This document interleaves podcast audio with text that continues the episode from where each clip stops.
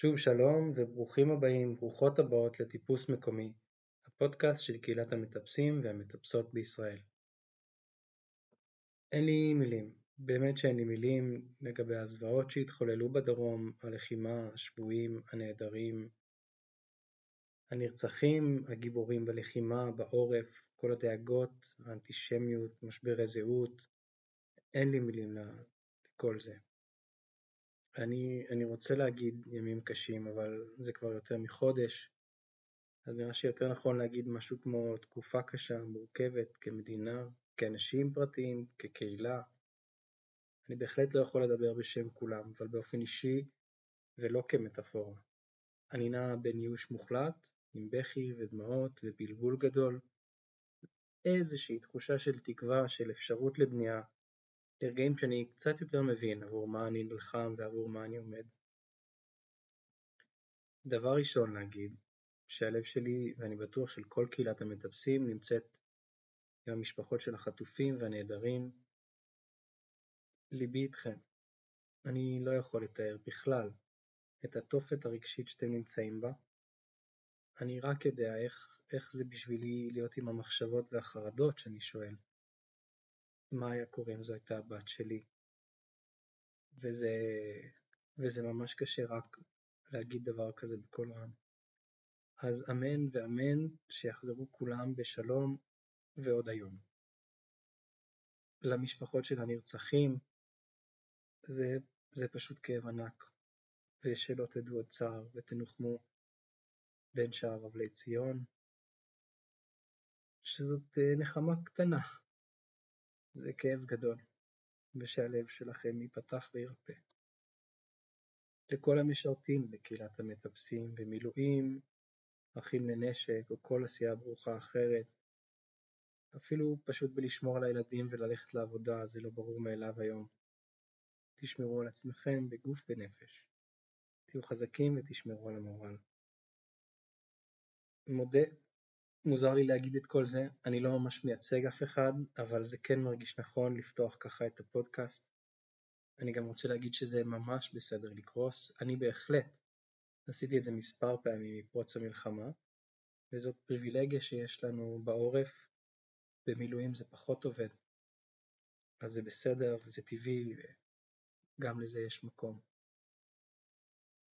לכל הפצועים בנפש, מעכשיו או מלפני, אתם לא לבד. אל תהססו לקבל עזרה, זה טבעי, זה נורמלי, וחשוב שתשמרו על עצמכם. אני יכול להעיד על עצמי שבהחלט יש רגרסיה. הרבה תופעות שכבר שנים לא הייתי צריך לחוות חזרו ברגע. אז חשוב חשוב שנדאג לעצמנו. הרבה זמן לא היו פרקים, והאמת שקצת זנחתי את הפודקאסט מהעומס של כל הדברים. ואז חשבתי על הסיפורים שאנחנו שומעים כל שנה של ניצולי שואה, וזה הדהד לי באותם רגעים של ייאוש, שכל מה שנשאר זה רגעים של מגע וקשר אנושי. להסתכל בעיניים, לראות אחד את האחר בייאוש או בתקווה, בעשייה או במנוחה. ככה אני תמיד חווה את המפגשים שלי במצוק עם אנשים, רגעים קטנים כאלה, של קשר. היי, hey, אתה יכול להבטיח אותי רגע? לבן אדם שאני לא ממש מכיר, או מישהו שמציע קפה כשרק כרגע הכרתי אותו. אז החלטתי שאולי דווקא עכשיו זה הזמן לחזור לפודקאסט.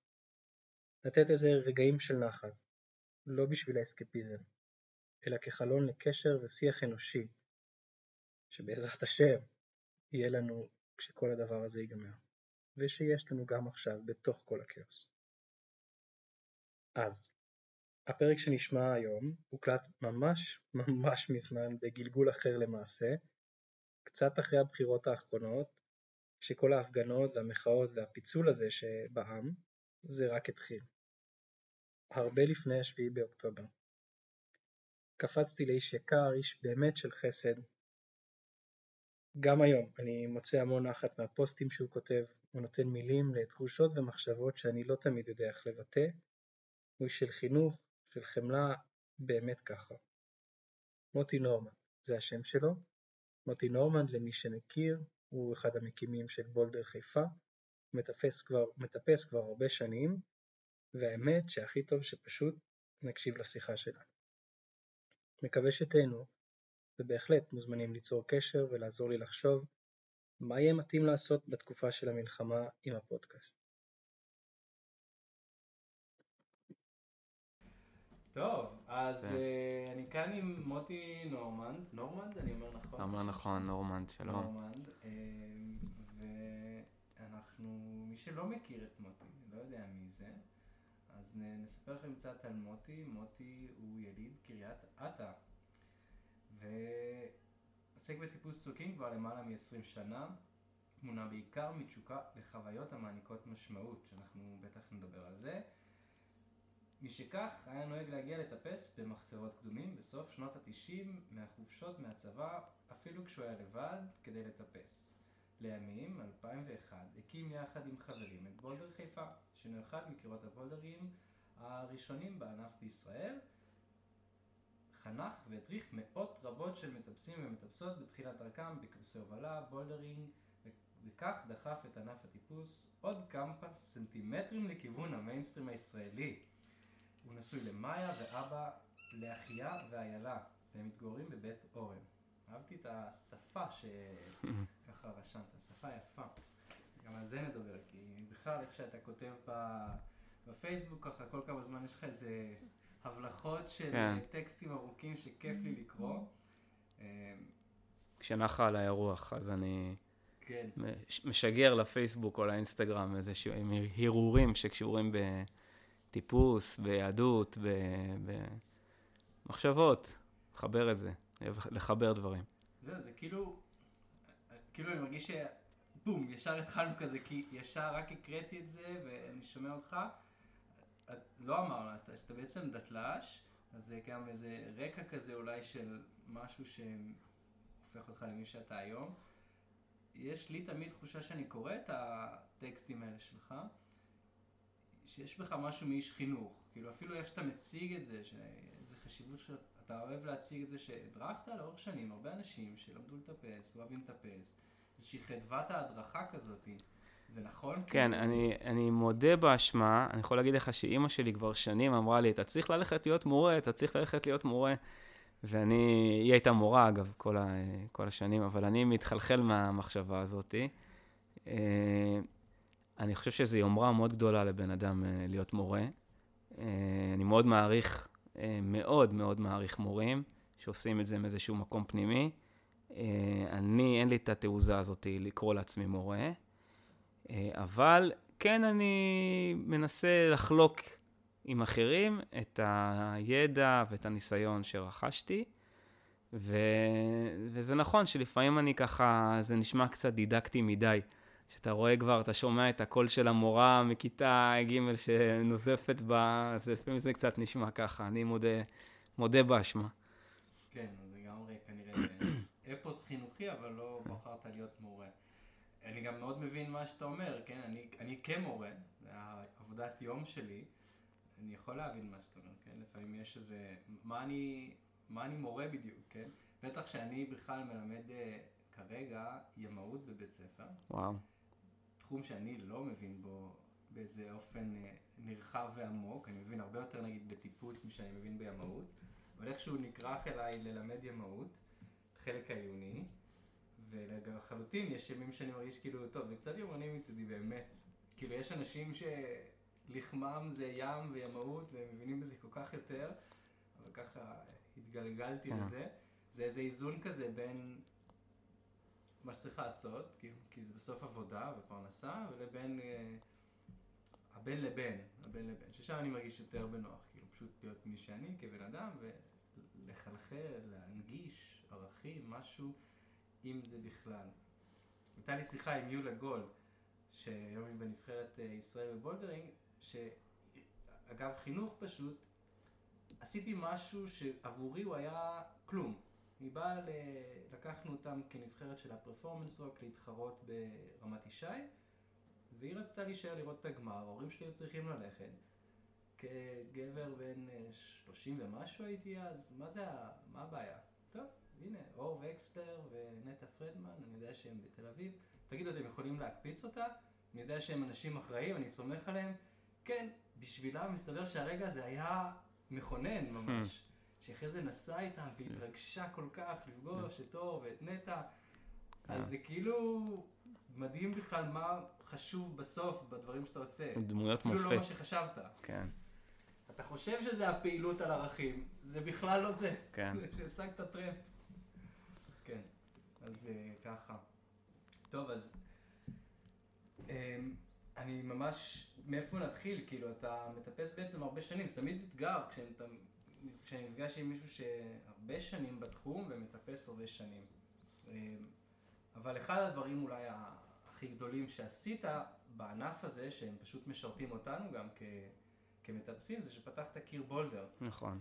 אז היום קירות הבולדר נפתחים בקצב.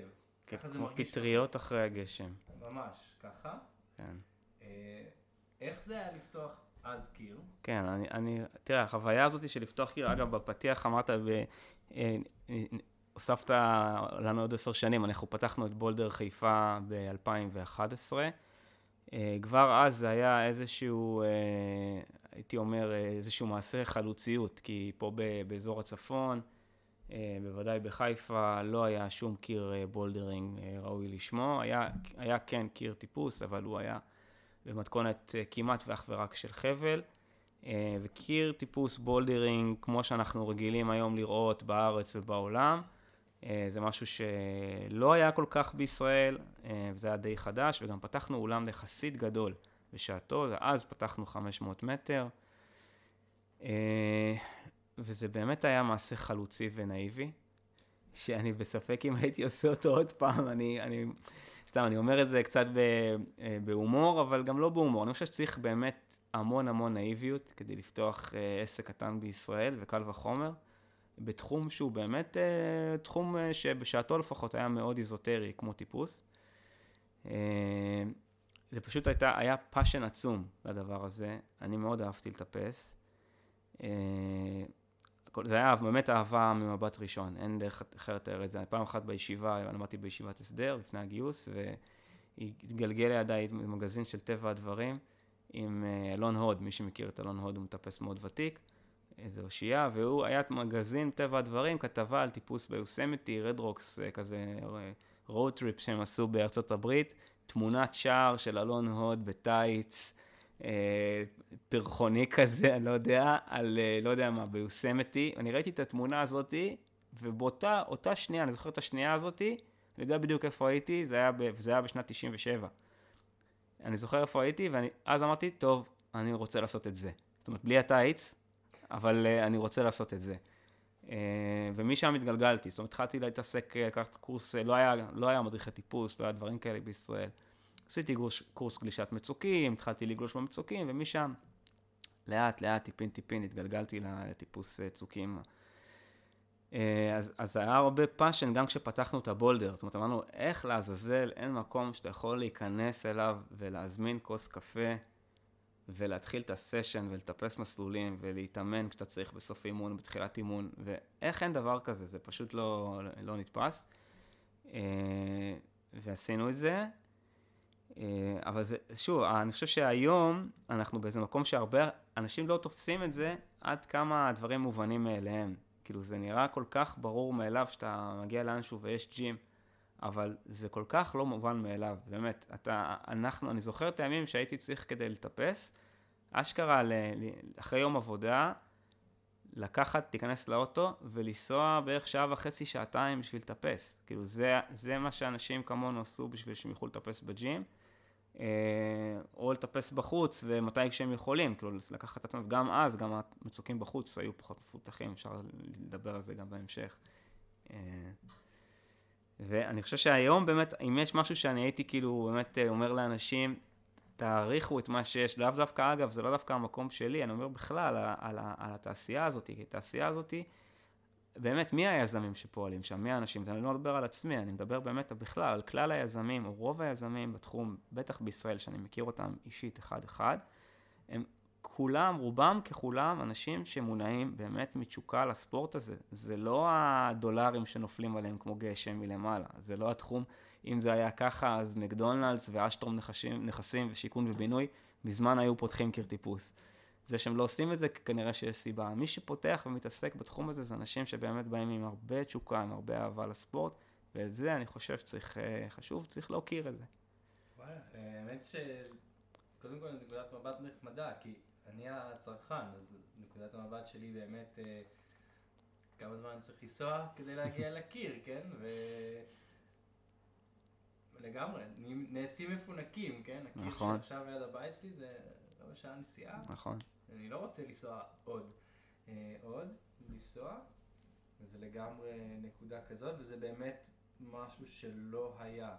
אין ספק שזה זה כמעט מהפכני, כשאתה חושב, אולי זו מילה מסוכנת היום, כן, מהפכני היום. כן, כן, תיזהר, יש כל מילים, כל מילים. אבל, אבל זה כן שינוי כל כך משמעותי. אתה גם רואה את זה בקצב שבו אנשים מתקדמים, מתפתחים, אני לא בטוח מה המילה המדויקת כאן, כן. כי מתקדמים זה הטיה שצריך להתקדם, שזה כן. הדבר הנכון, אבל עד כמה אנשים נעשים אה, מוטמעים בתוך הספורט, כן. בתרבות, בין אם זה בדירוגים, בין אם זה ללכת לטפס בחו"ל, ובין אם זה להתאמן, שזה הקירות באמת אה, מספקים facilities מדהימים לאימונים.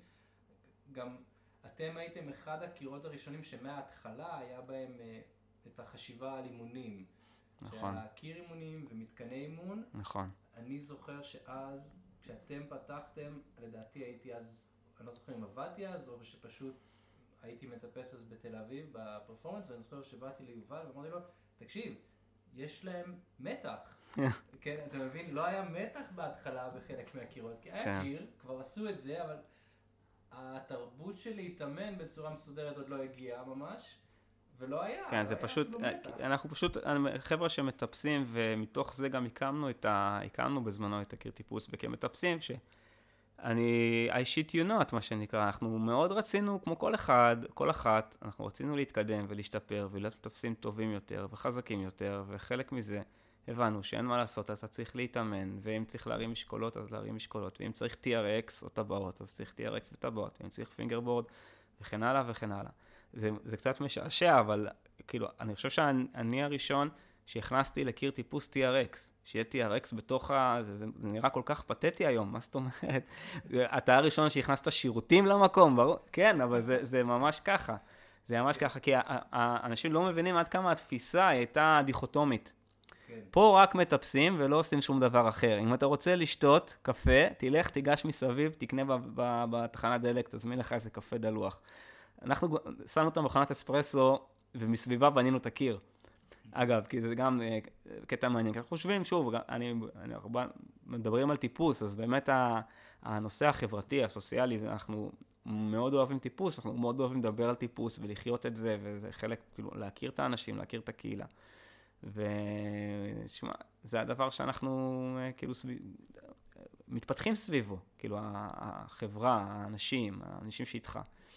אז העניין הזה שיש לך עם מי לשבת ולדבר, ויש לך מקום לשבת ולדבר, ואת הקפה, לשבת על הקפה, לשבת ולדבר, זה, זה, זה הדבר, זה הדברים החשובים. תאר לך שבדיוק מהמקום הזה התחיל הפודקאסט, כן? Mm. כאילו, היה קורונה, ולא היה לי את זה. Mm. לא היה לשבת לדבר, קשה לא היה להיפגש. במצוק, גם לא היה קירות טיפוס. בהתחלה ממש, כן. ממש כזה, חשבנו שהעולם יחרב, הוא לא, עכשיו אנחנו שוב חושבים כן, על זה, נראה מה יהיה. כן. אבל... הוא לא, הוא לא. לא, כנראה לא. אבל אה, חד משמעית זה היה האינסנטיב לפתוח את הפודקאסט, זה היה כן. לשבת. זה יפה, זה יפה, וזה יפה, וזה, וזו יוזמה מאוד ברוכה, באמת, זה, כל הכבוד לך על, ה, על ההשקעה של ללכת, לחת, מה שנקרא שכר עבודה, לכתת רגליים, ללכת, להקליט אנשים, לדבר עם אנשים, תפתח, זה, זה לא פשוט, והרבה פעמים אני אומר את זה גם על, אה, אני חושב שכתבתי על זה בעבר בפייסבוק, על העניין הזה של, אה, יש מושג כזה ביהדות שנקרא אה, לימוד תורה לשמה. כי אנשים שבאים ללמוד מתוך מקום של אגו, בשביל שיעריכו אותם על איזה יכולות אינטלקטואליות ואיזה זה וכן הלאה, יש מספיק. אבל מי שעושה את זה בשביל הדבר עצמו, בשביל התרבות הזאת, בשביל המהות הזאת, זה מה שנקרא תורה לשמה, זה משהו שיותר קשה למצוא, ואני רואה את זה בך, כן, בעניין הזה של ה... בעניין הזה לפחות של הפודקאסט, אז אה, לעשות את זה לשמה, מה שנקרא, לעשות את זה בשביל הדבר עצמו, וזה יפה, זה, אני מעריך את זה מאוד. אז, אז כן. תודה רבה, תודה, אני מניח זה... אין על מה. אבל זה נכון, זה דברים שלא רואים, וגם אני, כשאני מגיע לקיר, אני לא תמיד רואה את העבודה שנעשית uh, מאחוריה. בגלל שאני כבר מספיק שנים מטפס, אני מכיר גם את רוב הבעלים לפחות, ואז לפעמים יוצא לי כזה לקבל סיור שבו אני שומע גם על ההשקעה, וכמה כן. מסובך היה לבנות חלק מסוים מהקיר, או המחשבה שהייתה מאחורי, וזה זה באמת מרשים, כן? כאילו, כן. דברים כמו מזגן בחדר, בקיר טיפוס, זה כן. דבר מסתבר נורא מורכב, לא ידעתי את זה, אבל קיבלתי הסבר עד כמה זה מסובך בגלל המגנזיום שנתקע. אני, צריך... תקשיב, אני יכול לפתח את זה, לה, אני, אני לא יודע אם אני רוצה לקחת את השיחה דווקא למקום הזה של קירות טיפוס דווקא, אה, כי באמת, זה, אני חושב שזה אה, אולי פחות העניין, אבל נגיד הנושא הזה של המגנזיום, והנושא הזה של ה, אה, מה עומד מאחורי התעשייה, ואיך היא עומדת. עכשיו, כלקוח, באמת, אתה נכנס לעסק, לא מעניין אותך יותר מדי. אתה, אנחנו חיים בעולם קפיטליסטי, אתה משלם כסף, אתה רוצה לקבל מוצר, ושלום, ותעזוב אותי. Uh, ואני יכול מצד אחד להבין את הדבר הזה, את הגישה הזאת, ואני חי בעולם הזה הקפיטליסטי. מצד שני, אני תמיד שומר על עצמי איזושהי פינה סוציאלית, חברתית, הומנית, בתוך הנפש. ואני חושב ש... לא רוצה להטיף, אבל כן, כל אחד צריך לעשות את זה. וכשאני, שוב, אני מסתכל על התחום הזה שלנו, אם נגיד אתה מדבר על הנושא של המגנזיום, אתה רואה מישהו נכנס למסעדה, לוקח את השווארמה וזורק אותה על הקיר, או, אנחנו לא רואים דברים כאלה, אנחנו לא רואים התנהגויות כאלה, מה, שילמתי כסף, אני רוצה לזרוק את השווארמה על הקיר, מה אכפת לי? אז, אז זה מה שקורה בעצם בעיניי לפעמים בקירות טיפוס. אנשים שילמו כסף, אז הם נכנסים עם המגנזיום ומטיחים אותו לכל עבר. עכשיו, המגנזיום הזה, אני לא רוצה להעלות את המאזינים, זה מחרב את המזגנים, זה מחרב לנו את הריאות, זה מחרב כל פינה טובה במקום סגור.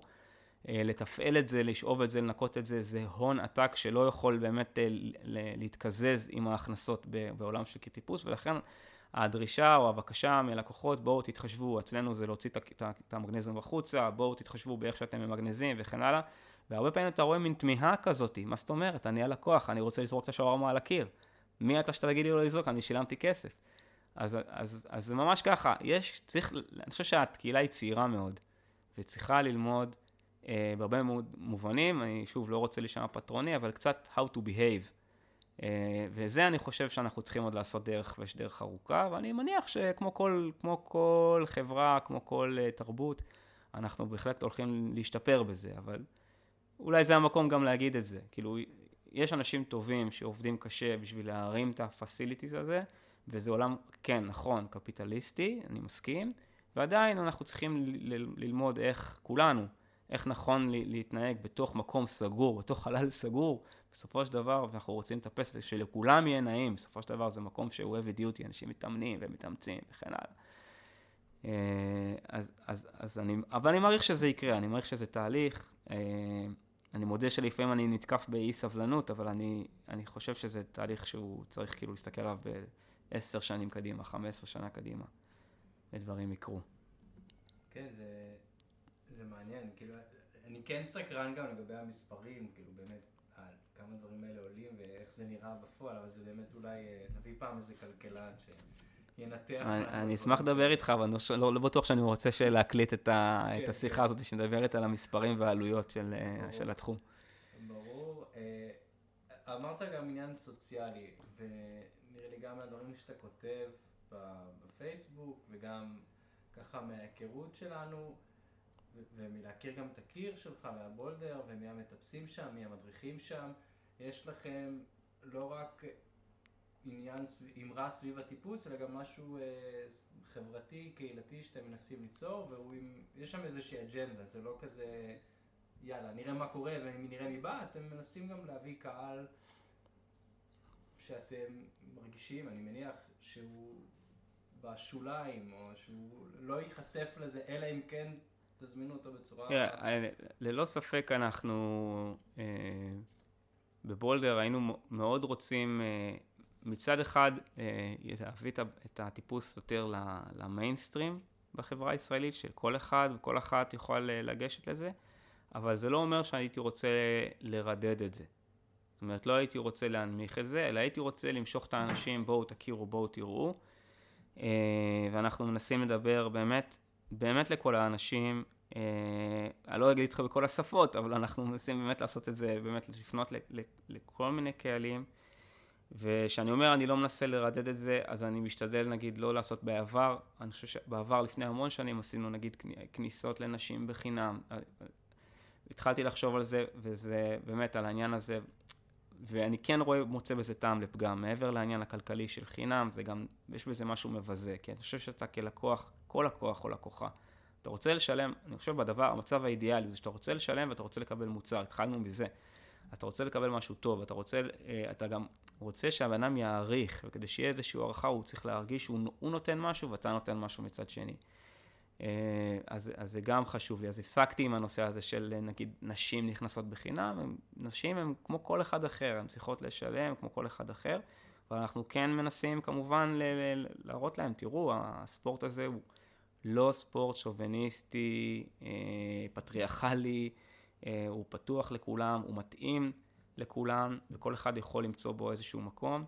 אתה יודע מה מעניין? שאני התחלתי לטפס באמת לפני, באמת 97, 98, זה השנים הראשונות שהתחלתי ללכת בעולם הזה, ואני זוכר שהייתי מגיע, אה, חופשות מהצבא, הייתי מגיע למחצבות דומים, פה לידינו, אנחנו יושבים כרגע בבית אורן, מקליטים, והייתי נוסע מקריית אתא, לפעמים בטרמפים, עולה על מדים, נוסע למחצבות דומים עם התיק, עם הציוד, כאילו, ופורס את הציוד, יודע, הולך לבד. אין, אין לי טלפון סלולרי, אנשים לא מבינים את זה, אין לי טלפון סלולרי, אין אינטרנט לחפש שותפים וכאלה, אין. אין לך גם קאדר של אנשים שאתה יכול להגיד בואנה זה יטפס איתי, זה לא.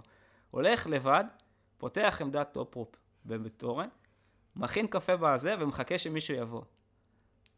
מגיעה איזה מישהי, בחורה צעירה, בת גילי, לא יודע, 20, 21, 22, 23, 24, לא יודע, לא, אני לא זוכר איך קראו לה אפילו. ומסתבר שהיא מטפסת, היא גם הגיעה, ואז מגיע, קבעתי עם עוד איזה חבר, קוראים לו פליקס שמולביץ', והוא גם מגיע, ואז ככה התחלתי להכיר את האנשים בקהילה. ואגב, מה שהיה מגניב, שהייתה מאוד מגוונת, וזה היה מין, מין כס, לא יודע, מין קהילה כזאת של כל מיני, אה, כל מיני עולים, זה היה שנות ה-90, עולים מברית המועצות שהגיעו, שנפלה, והם היו עוסקים בטיפוס מזה, והם התחילו, והיה את פליקס, שהוא היה, אפשר לעשות עליו תוכנית, הוא דמות לעשות תוכנית עליו, אפשר לספר למאזינים. ו, וככה התחלתי אה, להכיר את האנשים, זאת אומרת, ולהכיר גם, שגם בעולם הזה יש איזשהו סוג של גיוון, וגם איזשהו בחור דתי מה, מהזה שמגיע, וגם... כל מיני חבר'ה כאלה שאתה לאט לאט אוסף, והטלפון שלך מתחיל לאט לאט להתמלות, ואז כבר רכשתי לי כבר טלפון סלולרי, אז כבר יכולתי להתקשר לאנשים ולגבוה איתם. אה, ואני חושב שהגיוון הזה הוא חשוב והוא מגניב, ו... וגם, לא אני לא בטוח שהוא קיים היום באותה, באותה מידה, לא יכול למדוד את זה, לבדוק את זה, אבל אני חושב שצריך לטפח את זה וזה נחמד. אה, וזה יפה גם לראות שהקהילה היום אה, גדלה ככה, זאת אומרת, אני, אני, אני רואה בזה משהו מאוד uh, מחמם את הלב, אם אפשר לומר. כן, זה... Uh, אני מרגיש שהמגוון גדל של דמויות שונות, עם דעות שונות, ערכים קצת שונים, ככה בחוויה שלי לפחות, כן? כי הספורט פשוט התרחב, כמות האנשים שמטפסים, חד משמעי. זה... רשמת לי משהו וזה מרגיש לי בדיוק הנקודה לעלות עכשיו, זה... הקירות בגלל שהם נפתחו, בגלל שזה עסק, זורם שם כסף בסופו של דבר, גם אם זה לא משך עדיין אה, חברות גדולות וענקיות, אז עדיין בסופו של דבר אנשים מתפרנסים מזה, מרוויחים מזה, זה מייצר פרנסה, וזה קצת, אתה אומר, מסיח קצת את ההתפתחות של הטבע. Mm-hmm. כי אני בטוח שאם היה פה מישהו מההתאחדות, היה ישר קופץ עליי ואומר לי, רגע, רגע, פתחנו מלא מצוקים בארץ. ואנחנו יכולים לדבר על זה גם, שאומנם זה באמת קרה, והאם זה מספיק בכלל, המצוקים שאני הייתי בהם לאחרונה תמיד מאוד מלאים. Mm-hmm. אני לא יכול להגיד ברמה בטיחותית כזו או אחרת, כן או לא, אבל זה מרגיש עמוס. מרגיש כן. עמוס, כן. וזה גם מרגיש, שהר... זאת אומרת, המטפסים הוותיקים יותר או החזקים יותר ירגישו שלא נפתחו הרבה מצוקים שהם כן. יכולים לטפס בהם. זאת אומרת, אנשים מטפסים בדירוגים גבוהים צריכים לנסוע לחו"ל כרגע. נכון. מי שדיברתי לפחות. יש, יש פה כמה תהליכים מעניינים. אחד, אה, אני חושב שהפתיחה בשנים האחרונות של קירות bouldering וקירות טיפוס בישראל, אה, גייסה, במרכאות או לא במרכאות, גייסה הרבה מאוד אה, מטפסים ומטפסות חדשים. אני חושב, זה בתחושה, אני לא בדקתי את זה אה, לעומק, אבל אני חושב שרוב הקהל שנכנס היום, העניין שלו בטיפוס בטבע הוא קטן. הוא קטן. זה לא כמו שאני, אני חושב שאחד הדברים שהכי הביאו אותי לעולם הזה, זה אני הייתי רואה מצוק, הייתי כאילו נמס. זה היה כל כך יפה בעיניי, הצוקים, הטבע, הדבר הזה, אסתטית. זה, זה משך אותי, החוויה של הריקוד הזה על הסלע, הריקוד, התנועה, הכירוגרפיה על הסלע בטבע, זה מה שהביא אותי לטפס, לא להיות uh, ראשון בתחרות כזאת או זה, אני, יש, לי, יש בי תחרותיות, כן? אבל זה לא מה שמשך אותי, הטבע משך אותי. היום, אני חושב, הרוב הקהל שאני רואה, ואני לוקח את האשמה על זה גם עליי קצת, הם יותר מוכוונים uh, ספורט אוריינטד, הם באים לעשות ספורט, הם באים ללכת לג'ים, הג'ים היום הוא, הוא מקום סגור, יש בו אחיזות פלסטיק, מגניבות כאלה, עושים כל מיני צעדים, כירוגרפיה. זה הספורט, הטיפוס בטבע פחות מדבר עליהם, ועדיין יש זליגה. זאת אומרת, אה, יש איזושהי זליגה של אנשים שהולכים לטפס גם בטבע, ואתה רואה איזה מה שנקרא, אה, אולי הייתי קורא לזה The Story of Two Worlds, כאילו באמת, עכשיו אתה רואה שהענף בעצם כאילו מתפתח עכשיו בצורה, הופך להיות ענף דו-ראשי כזה, מפלצת דו-ראשי כזאת. מפלצת אחת זה המפלצת של הג'ים, חבר'ה שמטפסים בג'ים, חיות, חזקים, חזקות, משהו מדהים. והחבר'ה שמטפסים בחוץ, שזה החבר'ה היותר רוחניקים, היותר uh, זה, אני, כאילו, בכוונה אני מקצין את זה. זה בעבר לא היה את ההפרדה הזאת, זה לא היה ככה. כל מי שטיפס uh, בחוץ, הוא גם, אם היה ג'ים, אז הוא היה מתאמן בג'ים. היום זה יותר uh, מוחלט. אצלנו נגיד בבולדר, בגלל שאנחנו באים מהמקום הזה של הטבע, מאוד חשוב לנו, אנחנו כל הזמן מוציאים לטבע, מוציאים לשטח, וזה, שוב, אנשים מצביעים, חלקם הולכים, משתפים פעולה, חלקם אוהבים, חלקם מתאהבים. אבל uh, העולם קצת משתנה בקטע הזה, לטוב ולרע. אני, שוב, אני לא יכול להגיד, אני לא רוצה לחלק, uh, לקטלג, זה טוב, זה לא טוב, זה, זה החיים, אתה יודע, דברים משתנים, time is changing, ומה שבעיניי היה מדהים, הטבע, ואז בעיניי אחרים, תשמע, פחות מעניין ללכת ולבלות זמן במצוק. אני ממליץ לכל אחד ואחת, מי שלא התנסה בטיפוס צוקים בחוץ, זה לא, קב, לא בא בקלות, אבל אני חושב שזה קריאת השכמה לכם. ברגע שאתה לומד את השפה, זה כמו ללמוד שפה. ברגע שאתה לומד, הילד, יש לי ילדים קטנים שלומדים לקרוא, בהתחלה זה נורא קשה, אה, בא, גא, דה, כל זה, אבל בשנייה שאתה עובר מאה, בא, גא, דה, ל... בראשית ברא אלוהים את השמיים ואת הארץ, ברגע שאתה מתחיל לרוץ, זה פלא, זה פלא, באמת, וזה בדיוק העניין. ברגע שאתה לומד את השפה ולקרוא את הסלע ולהבין אותו, ללכת לנוע על הסלע, שזה שונה מהפלסטיק, אז זה כמו פלא, באמת, זה להסתכל על המצוק ולקרוא ספר. איזה חוויה, רק לעמוד למטה ולהסתכל. אה, ואחרי זה לטפס ולהיות חלק מהסיפור הזה, זה, זה, אין לתאר את זה, באמת, זה חוויה שמי שעבר את התהליך הזה, זה מה שנקרא מחלה חשוכת מרפא. זה כאילו איתך לכל החיים. כן, אני נמנע, אני נמנע עם המחנה של המטפסי שטח באופן אה, ברור. עד כדי שאני מכריח את עצמי ללכת להכיר ולהתאמן. זה גם עניין חברתי, אני חושב שבגיל בגיל הזה של 40, שיש ילדים, קצת קשה לשמור על החברים קרובים ולראות נכון. אותם באופן קבוע, ואז ללכת לטפס בבולדר זה קשה יותר, כי זה גם יותר לבד, ויותר נכון. להתרכז באימון, גם הזמן נהיה פתאום נורא לחוץ. אבל במובן הזה זה משפר, משרת אותי טוב, כי אני לא יכול ללכת להכיר אה, שעה וחצי סיימתי הביתה. אבל uh, השטח זה, אני מבין את המטאפורה של ה... לא יודע למה דווקא מפלצת, אבל שני ראשים אני מבין. כן.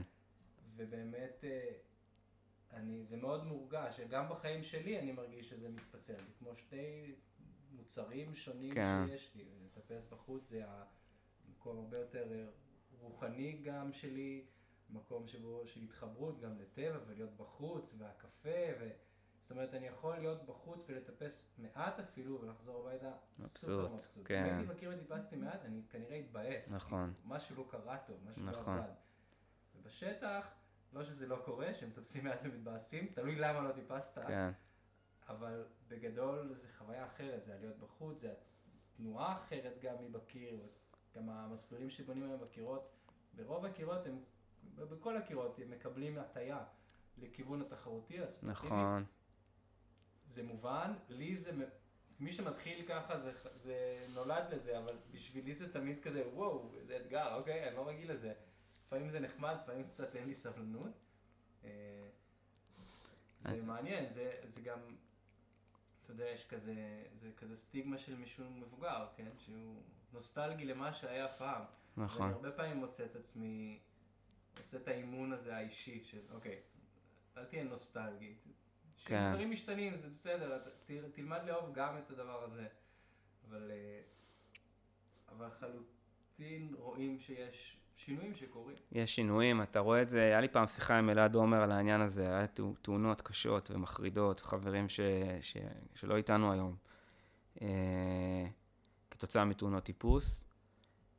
אה, באמת קשה לי לדבר על זה, אבל אני זוכר שבזמנו, אני, אני, היה לי שיחה עם אלעד עומר על הנושא הזה, ואני חושב שהוא אמר, אמר לי דבר מאוד נכון. החבר'ה היום, ושוב, אני אומר, לא בביקורת, זה לא במקום של ביקורת, זה פשוט תיאור של מצב שאנחנו נקלענו אליו כחברה, כי אנחנו, הכל מתפתח, הכל זז, הכל דינמי. ואם אני, כדי להגיע לשטח, הייתי צריך לעבור איזושהי מסכת, לא, לא ייסורים, אבל הייתי צריך לעבור הכשרה ולמצוא מדריך ולהגיע אליו, ואז ל, לישון בירושלים איזה שלושה ימים בשטח בגיא בן הינום, וכדי ללמוד לגלוש וללמוד חילוצים מחבלים ודברים כאלה. בתור אה, נער בן 17, בן 18, הייתי צריך לעבור את זה, ואז כשהתחלתי כבר לטפס, הידע וההבנה שלי בחבלים, בעבודת חבלים, היה לי איזשהו ארגז כלים בסיסי להתמודד איתו. שוב, זה לא הופך אותי חף אה, אה, מטעויות ומתאונות, חס וחלילה, תמיד צריך להיזהר, תמיד צריך יותר עני.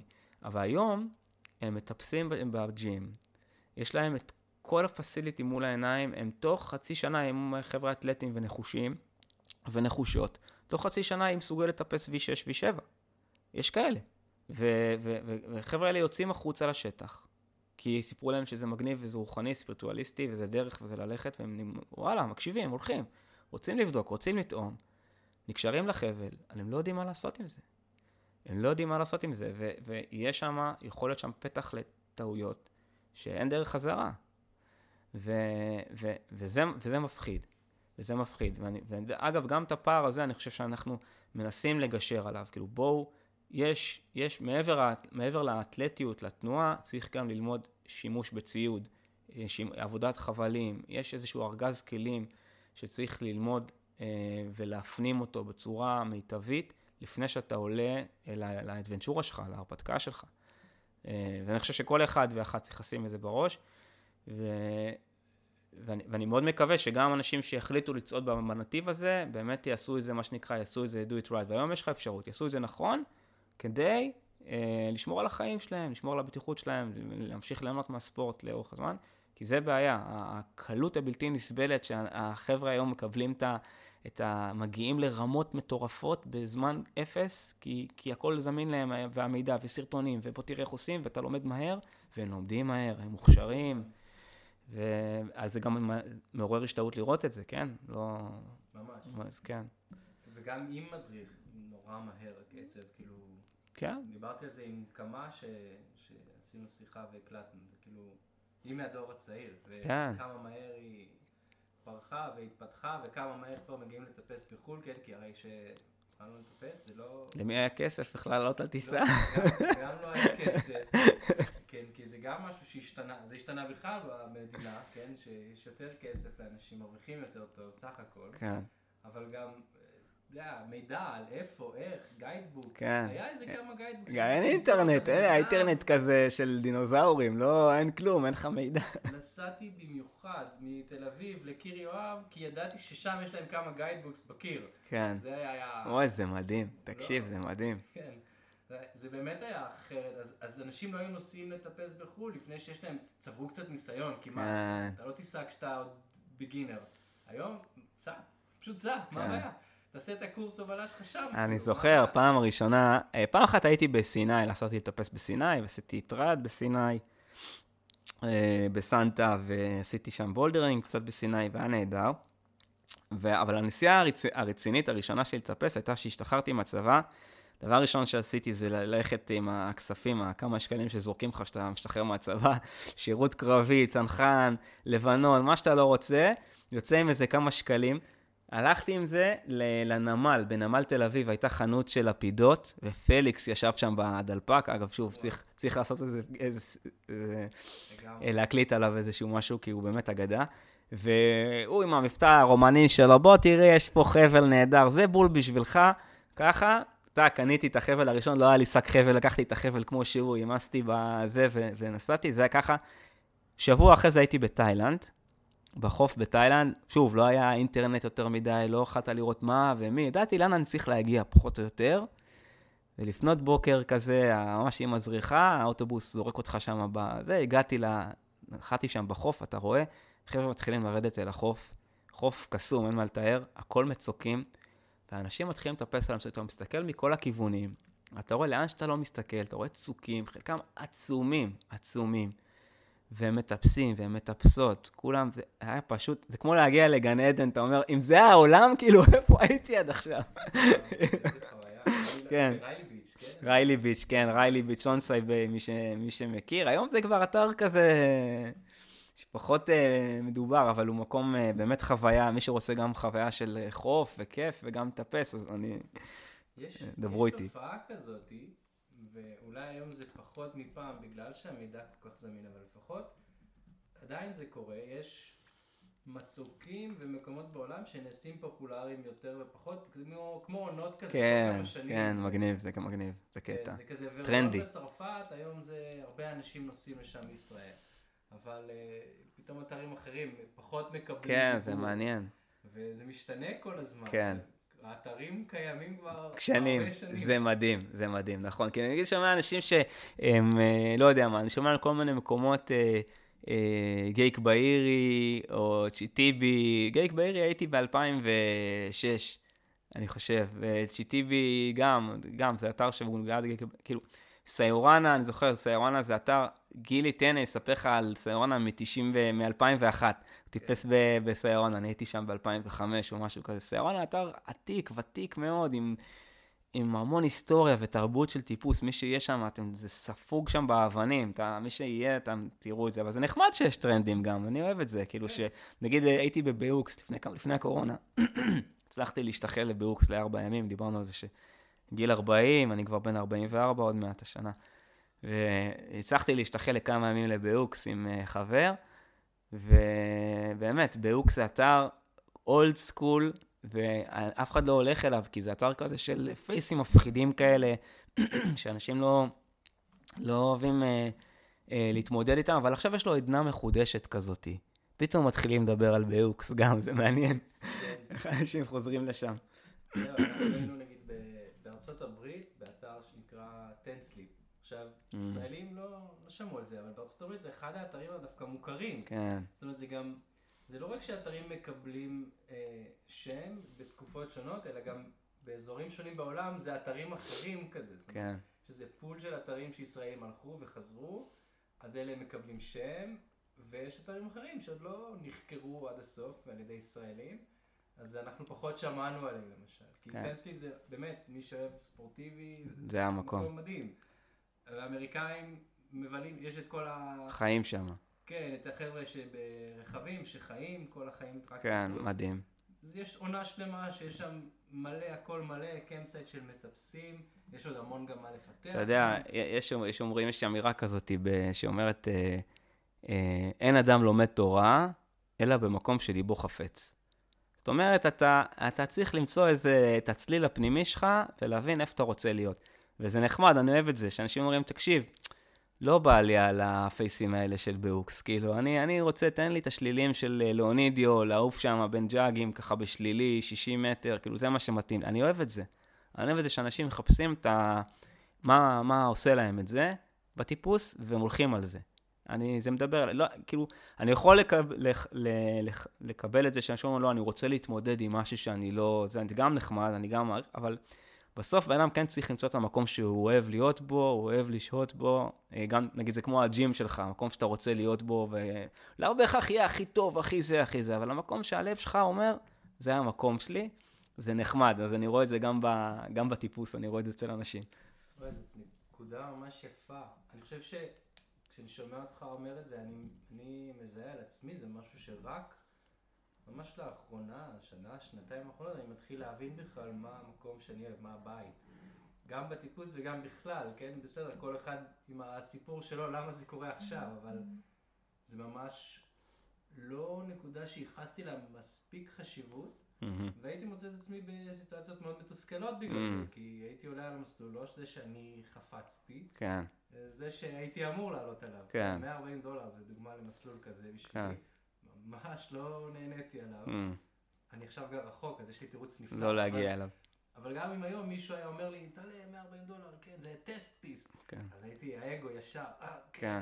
וכל פעם שעליתי עליו, מתוסכל, לא סגרתי אותו, זה מסלול בדירוג שאני כביכול מטפס, נמסיס. אין, זה כבר גם מנטלי, רק הרעיון של לעלות עליו, אני כבר, הגוף, כן. הגוף רועד, הגוף לא רוצה, אבל אני מכריע, זאת אומרת, הרעיון הזה של להבין גם מה אני אוהב, מה אני רוצה, בדיוק. לגבש איזושהי זהות כמטפס, זה, זה חדש לי. כן, אני חושב שזה חשוב. אני חושב שזה חשוב. אני, אני גם אומר, אתה יודע, אני יוצא לי להגיד את זה, יצא לי להגיד את זה למדריכים שלי אה, בבולדר, שהם אה, פוגשים אנשים וזה, ויש המון ידע שם, יש חבר'ה באמת עם המון ידע, אה, ומנסים להעביר אותו, ואנחנו מנסים ליצור איזשהו דרך שהידע יעבור לכל המדריכים, ובסוף לכל החניכים. אה, אבל אני אומר להם, תקשיבו, מעל הכל, אני לא מתערב לכם, אתם אנשי מקצוע, לא נכנס לכם לחיים, יש לכם מספיק ניסיון, מי אני שאני זה. אבל יש משהו שכן אני רוצה שתיקחו, זה העניין הזה של חוויית זרימה. חוויית זרימה, בעיניי, זה חלק, אולי הדבר הכי מהותי שמביא אותי אה, לנסות ולחזור כל הזמן לעולם הזה של, ה, של הטיפוס, ובטח בטיפוס בטבע. מה זה אומר חוויית זרימה? שאתה אתה נמצא באיזשהו מקום שאתה עושה איזושהי פעילות שהיא מאתגרת אותך מצד אחד, מצד שני לא, לא מאתגרת אותך מדי ולא גורמת לך לאיזושהי חרדה. והבלנס הזה בין המקום הזה של האתגר לבין המקום הזה שזה לא אתגר גדול מדי, בדיוק הנקודת האמצע הזאתי, לפעמים אתה נכנס שם למקום שאתה בלי מחשבה, בלי תחושה של זמן, בתחושת אופוריה כזאת של פעילות, ואת- ואתה מבצע דברים מטורפים. וכל מטפס שהיה איפשהו בשיא שלו, בנקודת השיא שלו, באיזשהו מסלול, יכול לתאר את הנקודה הזאת שאתה אומר, זה היה effortless, עברתי עכשיו איזה קטע של crux מטורף על מסלול. ב- כשאתה מפומפם ואתה זה, טה, טה, טה, טה, ואתה מרגיש שהזמן עצר מלכת, אתה כמו איזה, זה, תופס את ה jug האחרון, ואתה לא מבין איך זה קרה. זה החוויית זרימה. אומר, אתם צריכים להביא את הלקוחות, את החניכים שלכם, למקום של חוויית זרימה. וגם אני חושב שכל מטפס ומטפסת צריכים אה, אה, לזכור את זה. אל תלכו למסלול הכי מפחיד, הכי זה שאתה מתחיל לרעוד, רועד אותך הברכיים מרוב אה, זה, כי זה, אתה מרגיש שזה גדול עליך. אוקיי, תפתח את המיומנות קצת ותתמודד עם משהו שהוא קצת פחות, אבל תנסה להיות בחוויית זרימה, כי חוויית זרימה זה גם משהו שהוא ממכר ואתה כל הזמן מחפש לחזור אליו. ודרך זה גם אתה שואב המון סיפוק, אני נגיד שואב המון המון סיפוק, וגם, אגב, אפשר באמת תוך כדי זה להתפתח בספורט, ובאמת ל- ל- אה, להיות אקסל, להיות מצטיין בו, באמת, במובן האמיתי, העמוק של המילה, לא דווקא להיות מצטיין ולהחזיק גביע, לא שאני חלילה לא מזלזל בכלל, אבל להיות באמת מצטיין במובן המהותי, להיות טוב, פשוט לעשות את הדברים טוב, ככה אפשר להיות טוב. וזה, וזה משהו שהוא חשוב בעיניי, העניין הזה של חוויית זרימה, ובטיפוס זכינו, באמת זכינו, שיש לנו כאילו את הכלי הזה. זה גם ספורט שמאוד אה, מדברים עליו, כל כל ענפי הספורט, פסיכולוגיה של הספורט מתעסקת הרבה בחוויית זרימה.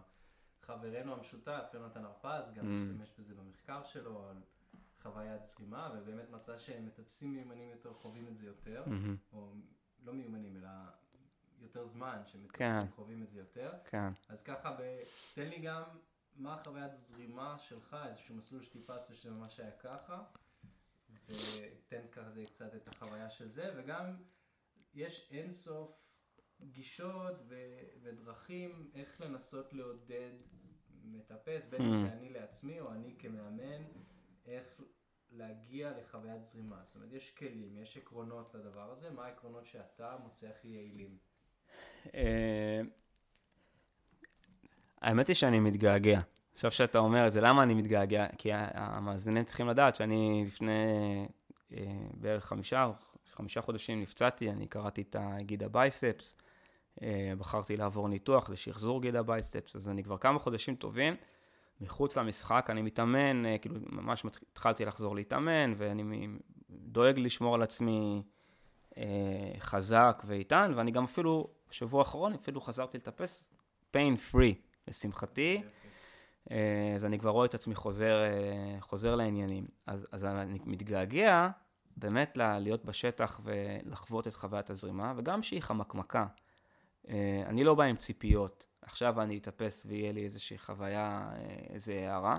זה אגב, זה... אם כבר כן מחקר, זה נחשב לאסטרטגיה הכי פחות יעילה, זה אנטי אסטרטגיה. כן.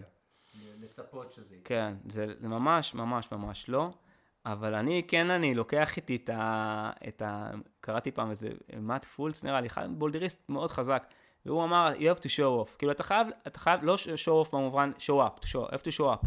אתה לא, לא נשאר להשוויץ, אתה צריך, לה, אתה צריך להגיע. זה כמו עבודה. אתה צריך להגיע, היום קמת, קמת עייף, קמת מבואס, קמת עקום, לא מסתדר לך. אחי, אני מגיע. אני לא, מה, מה שאני צריך לעשות, אם צריך להתאים לעשות אדפטציות באימון, אדפטציות אה, התאמות אה, למה שאני אטפס היום בשטח, כי היום אני קצת פחות בעניינים, אז אני אעשה אותם, אבל אני צריך להגיע, כי זה משהו שאין מה לעשות, אתה צריך לעבור דרך זה כזה, ואז סטטיסטית, אם אתה באמת טורח להגיע פעם ועוד פעם ועוד פעם ועוד פעם, זה פשוט מגיע. ואתה צריך גם, בעיניי, המשהו שהכי קשה לי, לפחות היה, זה לבחור את המסלולים הנכונים. זה לבחור את ה... זה, כי, ו, כי, כי האגו הוא, הוא, הוא השטן, ו, ב, לא יודע, אולי מילה קיצונית, אבל אני, הוא באמת, הוא מתעתע בנו. הוא קצת, אה, הזנב שמקשקש בכלב. אתה צריך, כאילו, אני אומר לעצמי, אל תבחר משהו שאתה כאילו, היית רוצה בשביל איזשהו משהו. תבחר משהו שאתה באמת כמה אליו.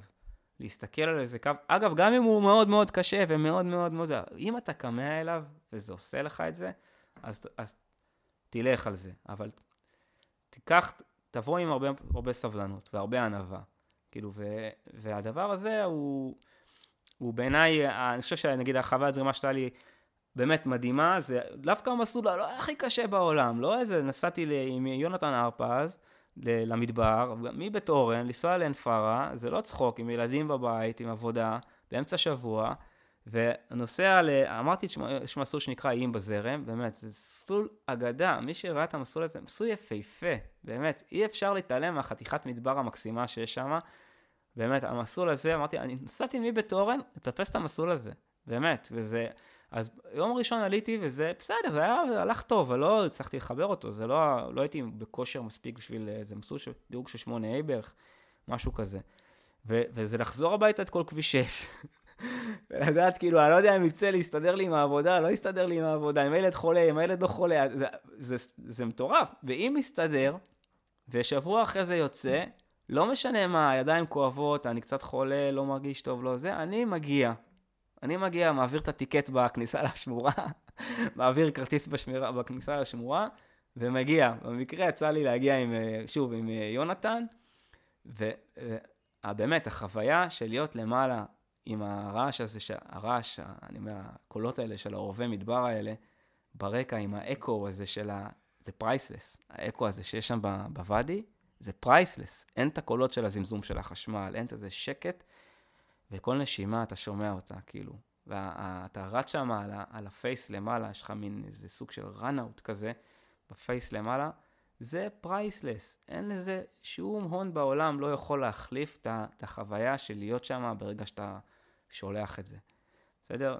יש רגעים כאלה למכביר, באמת, אנחנו, יש לנו זכות, באמת, זכות שאנחנו יכולים לעסוק בזה. באמת, אני גם חושב, אני אומר את זה לעצמי כל הזמן, גם כשאני הייתי פצוע ומדוכדך, שאני לא יכול לטפס ולא יכול זה, אני מזכיר את זה לעצמי, תסתכל מסביב, מי מטפס תגיד לי, מי, איזה פריבילגיה אתה שאתה מטפס, באמת, כאילו שאתה יכול, אנחנו באמת פריבילגיים, באמת פריבילגיים, תסתכלו ימינה, שמאלה. האנשים הם יכולים להרשות לעצמם לקנות ריתמה וללכת לטפס, הם חיים בהישרדות מטורפת, כאילו, ואנחנו חיים בעולם, באמת בעולם שהוא אה, יכול להרשות לעצמו, אנחנו יכולים להרשות לעצמנו לעסוק בספורט ובתרבות ולפתח את הנפש שלנו דרך זה. וזה זכות, וצריך להעריך את זה, ולא להתבאס שלא שלחת את הפרויקט ושלא הסתדר לך עם הזה, לקחת את המבאסה בסבבה, מה שנקרא. אני חושב שזו פרספקטיבה ש... קשורה גם לגיל, לזה שאתה הורה? אה, חד משמעית. אני חושב שאני אה, עובר שינוי, אני מניח שכל גבר או כל אישה שמתחילים להתבגר ועוברים את, ה, את התהליך הזה ואת ההבנה הזאתי, שלא לעולם חוסן. ואם בגיל 20 וגיל 25, 30, הייתי בשיאי, באמת, כאילו פיזית, פיזיולוגית, אתה אולי לא הייתי הכי חזק, אבל פיזיולוגית, בסך הכל הגוף מתנהג בצורה כזאת שאתה באמת באיזשהו שיא, ואתה חושב או משלה את עצמך שככה זה תמיד יהיה, ואז השנים עוברות, והם באים הילדים, ומשפחה, וזה כיף נורא, אבל אתה לאט לאט מגלה שאתה, לא רק שאין לך זמן יותר וכוח ואנרגיה להתאמן כמו שאתה רגיל, או לבלות בשטח בכלל, כמו שאתה היית רוצה, אלא הגוף גם מתנהג, מתחיל להתנהג אחרת, הוא מתאושש אחרת, הוא נפצע יותר, אה, יש לו עוד לחצים מסביב כי אתה צריך אה, להתעסק בפרנסה, וזה גם עוד משהו שמין אה, ספירלה כזאת של סטרס שמעמיסה עוד פציעות ככל הנראה, ככה נראה לי. והיום אני, אני באמת מבין שאני, המיינטנס, התחזוקה של הגוף היא מאוד מאוד חשובה. כל יום שאני יכול לצאת לשטח, או זה, מבחינתי זה הישג, אני, אני, אני, זה באמת פרופורציה כזה של, כאילו, אני, החבר'ה הצעירים שמקשיבים לי, אל תקשיבו לי, תהנו מכל רגע, תעשו מה שאתם יכולים, אבל, אבל באמת, החבר'ה שיותר מבוגרים ופחות זה, כל יום שאתה יכול לצאת לשטח, ואתה יכול להיות עם חברים ולטפס איזה שניים, שלושה, ארבעה, שישה מסלולים, וואו, וואו, אחי, איזה כיף, כאילו שזה, באמת, אני מנסה להסתכל על זה ככה, ו... גם לקצור הצלחות. מה, לפני שנפצעתי, שנה שעברה היה, הייתה שנה נהדרת, גם מזג אוויר היה, בישראל החורף היה מדהים, טיפוס בישראל הוא בחורף כמובן, זה השנה, זה העונה הטובה. הייתה עונה מעולה, טיפסתי בכחל וממש נהניתי מכל רגע, מסלולים נהדרים. כן, באמת העונה זה, ה... זה באמת בחורף. אני גם רשמתי לי על זה, גם אני זוכר פעם טיפסתי ביונים, לא, לא זוכר מה טיפסנו, אני בעיקר זוכר שהלכנו, סבלנו, hmm. קיללנו, hmm. ואז הסתכלנו, ראינו זה היה היום הכי חם hmm. באותה שנה, או כן. איזה עשור. וואי וואי, היה לי כאלה. כן. אני חושב שזה היה בערך השלב שאמרתי, טוב, אני מפסיק לטפס בקיץ, כן. בחוץ, בארץ. אני יכול להבין אותך. או בקיר, אני לא יכול לעשות את זה יותר. זה גם... הרגליים שלי מתנפחות, כואב לי, אה. סובל, אני לא נהנה. אני יכול להבין אותך. רשמת לי, טיפסת 8B? טיפסתי, כן, טיפסתי 8B, אה, אצלי רד פוינט של 8B באיזה 40 מעלות חום. זה באמת, זה, עוד, זה דוגמה לשואו-אפ. זה היום כזה, אני גם לא אוהב לטפס בקר. הרבה ישראלים אמיצים מטפסים בכל מזג אוויר. באמת כל הכבוד, אני מעריך את זה, זה יפה בעיניי. אני מפונק, מודה, מודה באשמה, חבר'ה, אני בן 44 השנה, די, חלאס. לא אבל, אבל זהו, זה, זה, זה היה מסורי, עבדתי על הקנגרו אז, וזה, אמרתי, וזה היה קשה, לא כל כך הסתדרתי איתו. ו... אבל הלכתי עוד פעם, ועוד פעם, ועוד פעם, ו... ואז עוד יום, ואז היום חום אימים, מה, נלך? נלך, נלך, כן, נלך. עולה פעם, אין סיכוי, אין סיכוי. עולה עוד פעם, יאללה, אין סיכוי. נח, טוב, ירדו אותם, לא, לא ירדו, הם רק עולות, כאילו, זה לא... טוב, נעשה גו אימון. מה זה גו אימון? אתה עולה ועולה, נותן מה שאתה יכול, והולך הביתה, כי זה גו אימון. זה... אז בגו אימון זה, זה הלך. בגו אימון טיפסתי את המסלול, היה חם גיהנום. אבל אין צל של ספק שברגע שאתה בא בלי הציפיות, ויש פה המון פסיכולוגיה, המון המון פסיכולוגיה, בלי הציפיות ובאמת אה, יורד ממך הלחץ הזה של ההישגיות, אז uh, אתה שם את עצמך מחוץ לדבר הזה באיזשהו מקום, בום, זה קורה. וזה היה שיעור נהדר, באמת. זה היה שיעור נהדר לחיים, זו הייתה חוויה נהדרת, כי זה גם מסלול פצצה. אה, אז, אז כן, אני באמת חושב ש... אני חושב שיש פה, כולנו בזה, בעניין, הטיפוס הוא מאוד דיכוטומי, אתה מצליח או לא מצליח. זה כזה, שלחת או לא שלחת. וזה מצד אחד מגניב, כי זה נותן לך פידבק מיידי על מה שאתה עושה. מצד שני, זה קצת מוציא מהכיף של כל הדבר הזה, וה, והיופי של, ה, של הספורט הזה. אה, אז אני חושב שצריך להיזהר עם זה, עם העניין הזה של השלחת, לא שלחת. והנה, עובדה גם שברגע שאתה מוריד את הלחץ הזה של שלחת, לא שלחת, פתאום אתה שולח. כי, כי זה, כי הציפייה לפעמים, היא, היא, שוב, היא כמו, היא מוציאה אותך מהפלואו, היא מוציאה אותך מהחוויית זרימה. היא, אני בטוח שיש הרבה, מה, הרבה פסיכולוגים שיהיה להם הרבה מה לומר, פסיכולוגים של ספורט שידעו הרבה מה לומר על זה. ובעיניי, אתה יודע מה, מה מצחיק? בעבר, לא הכרתי את כל המושגים האלה של redpoint ו onsight וכל זה. הייתי מטפס סתם. ואם הייתי מגיע נגיד למקום, הייתי, מת... אחרי זה התחלתי לדבר, עם... התחלתי לדבר עם אנשים, אז למדתי. אבל התמימות פה, זה מה שיפה. כשהייתי מטפס מסלולים, עולה פעם אחת וממשיך הלאה. הלך, הלך, לא הלך, למי אכפת? כאילו, זו הייתה התפיסה שלי, כאילו, באמת, כי, כי מה שחיפשתי זה את ה... בוא נרקוד את זה, ובוא נרקוד על זה, בוא נקרא את הסיפור הזה, ובוא נקרא את הסיפור הזה. למה רק המינגווי? בוא תעבור ל... תקרא קצת עמוס עוז, תקרא קצת זה, כאילו, ת, ת, תגוון. אז זו הייתה תפיסה מאוד נאיבית, אבל מאוד מגניבה. יש בזה משהו מאוד מגניב. בוא תחווה את הזה, מה אתה עכשיו מתחיל אה, אה, לקטלג, הצלחת, לא זה לא ש... שוב, אני לא בא ממקום של תבוסתני או משהו כזה, אני מאוד רוצה להצליח, אני מאוד רוצה לעשות, מאוד רוצה זה, אבל צריך לשמור את היופי, צריך לשמר את זה. אני חושב ש...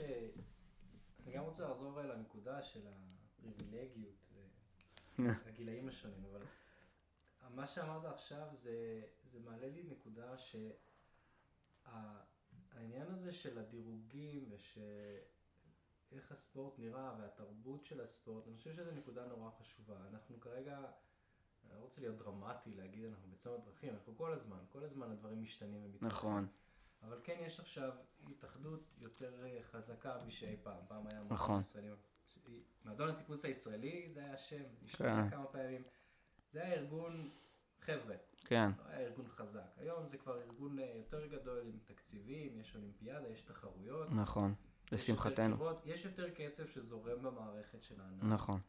ואני חושב שזו נקודה חשובה, כי העניין הזה הוא, הוא לא רק מקרי, עד כמה הקהילה שלנו תהיה מוכוונת הישגיות, הצלחתי לא הצלחתי, דיכוטומי, קצת יותר פטריארכלי דווקא, mm.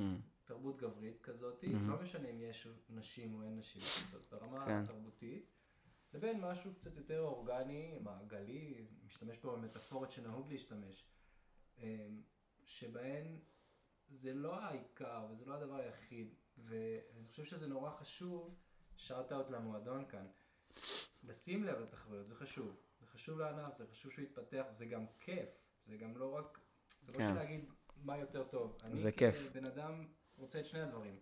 לצפות בזה זה כיף. תחרויות יותר עממיות, שלא שמות דגש על ההצלחה, שמות דגש על ההשתתפות, שמות דגש על כן. הכיף.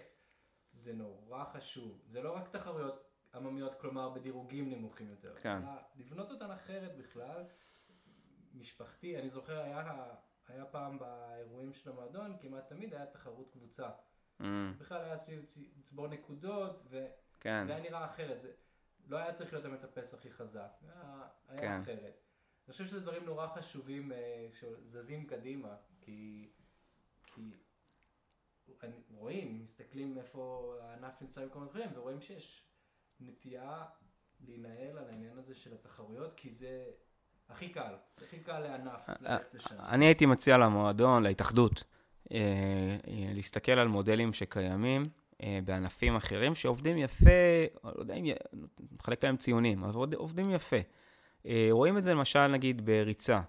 אתה רואה שיש בתחרויות ריצה, יצנים מקצוענים מגיעים מכל העולם, ובאמת מדהים לראות אותם רצים, זו חוויה.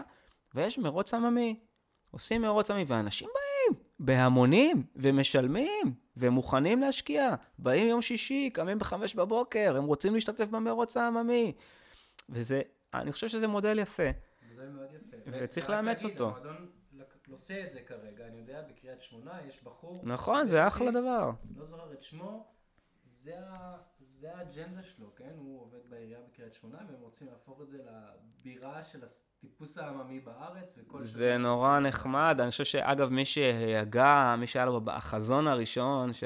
מי שחלם את החלום הזה ראשון, חשוב לי לומר, זה אלון מלאכי. אה, אלון מלאכי, הוא, חל... הוא חלם את החלום הזה ראשון, להפוך את קריית, את קריית שמונה, סליחה, למוקד של אה, ספורט אתגרי בארץ. והיום יש מי שממשיך, לוקחים לו את הלפיד הזה וממשיכים איתו לרוץ איתו, וזה יפה, ויש את, ה, אה, את הפסטיבל הזה שקורה, או את המרוץ הזה שקורה עכשיו בחול המועד פסח, פעם שנייה כבר, וזה בעיניי נורא נחמד ונורא יפה.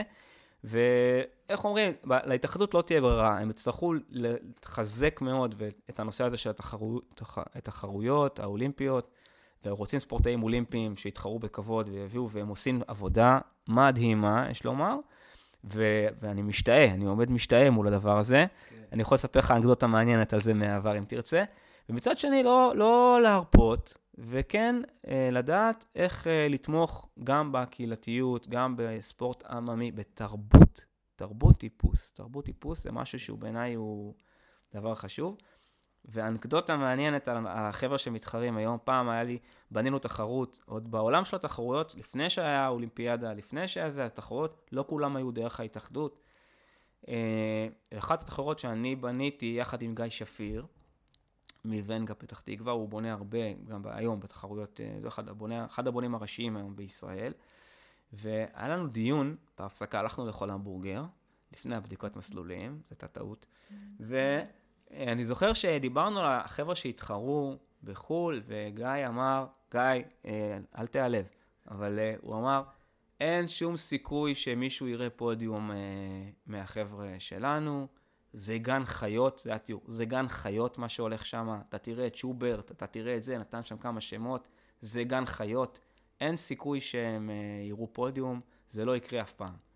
ואני אמרתי לו כזה, תשמע, למה ככה, איך תדע, אני רואה את אלכס, הוא, הוא צעיר, הוא בן, uh, לא יודע, בן כמה הוא היה אז, בן 16, ודברים יכולים עוד להשתנות ולהתפתח, ואנחנו רק בתחילת הדרך.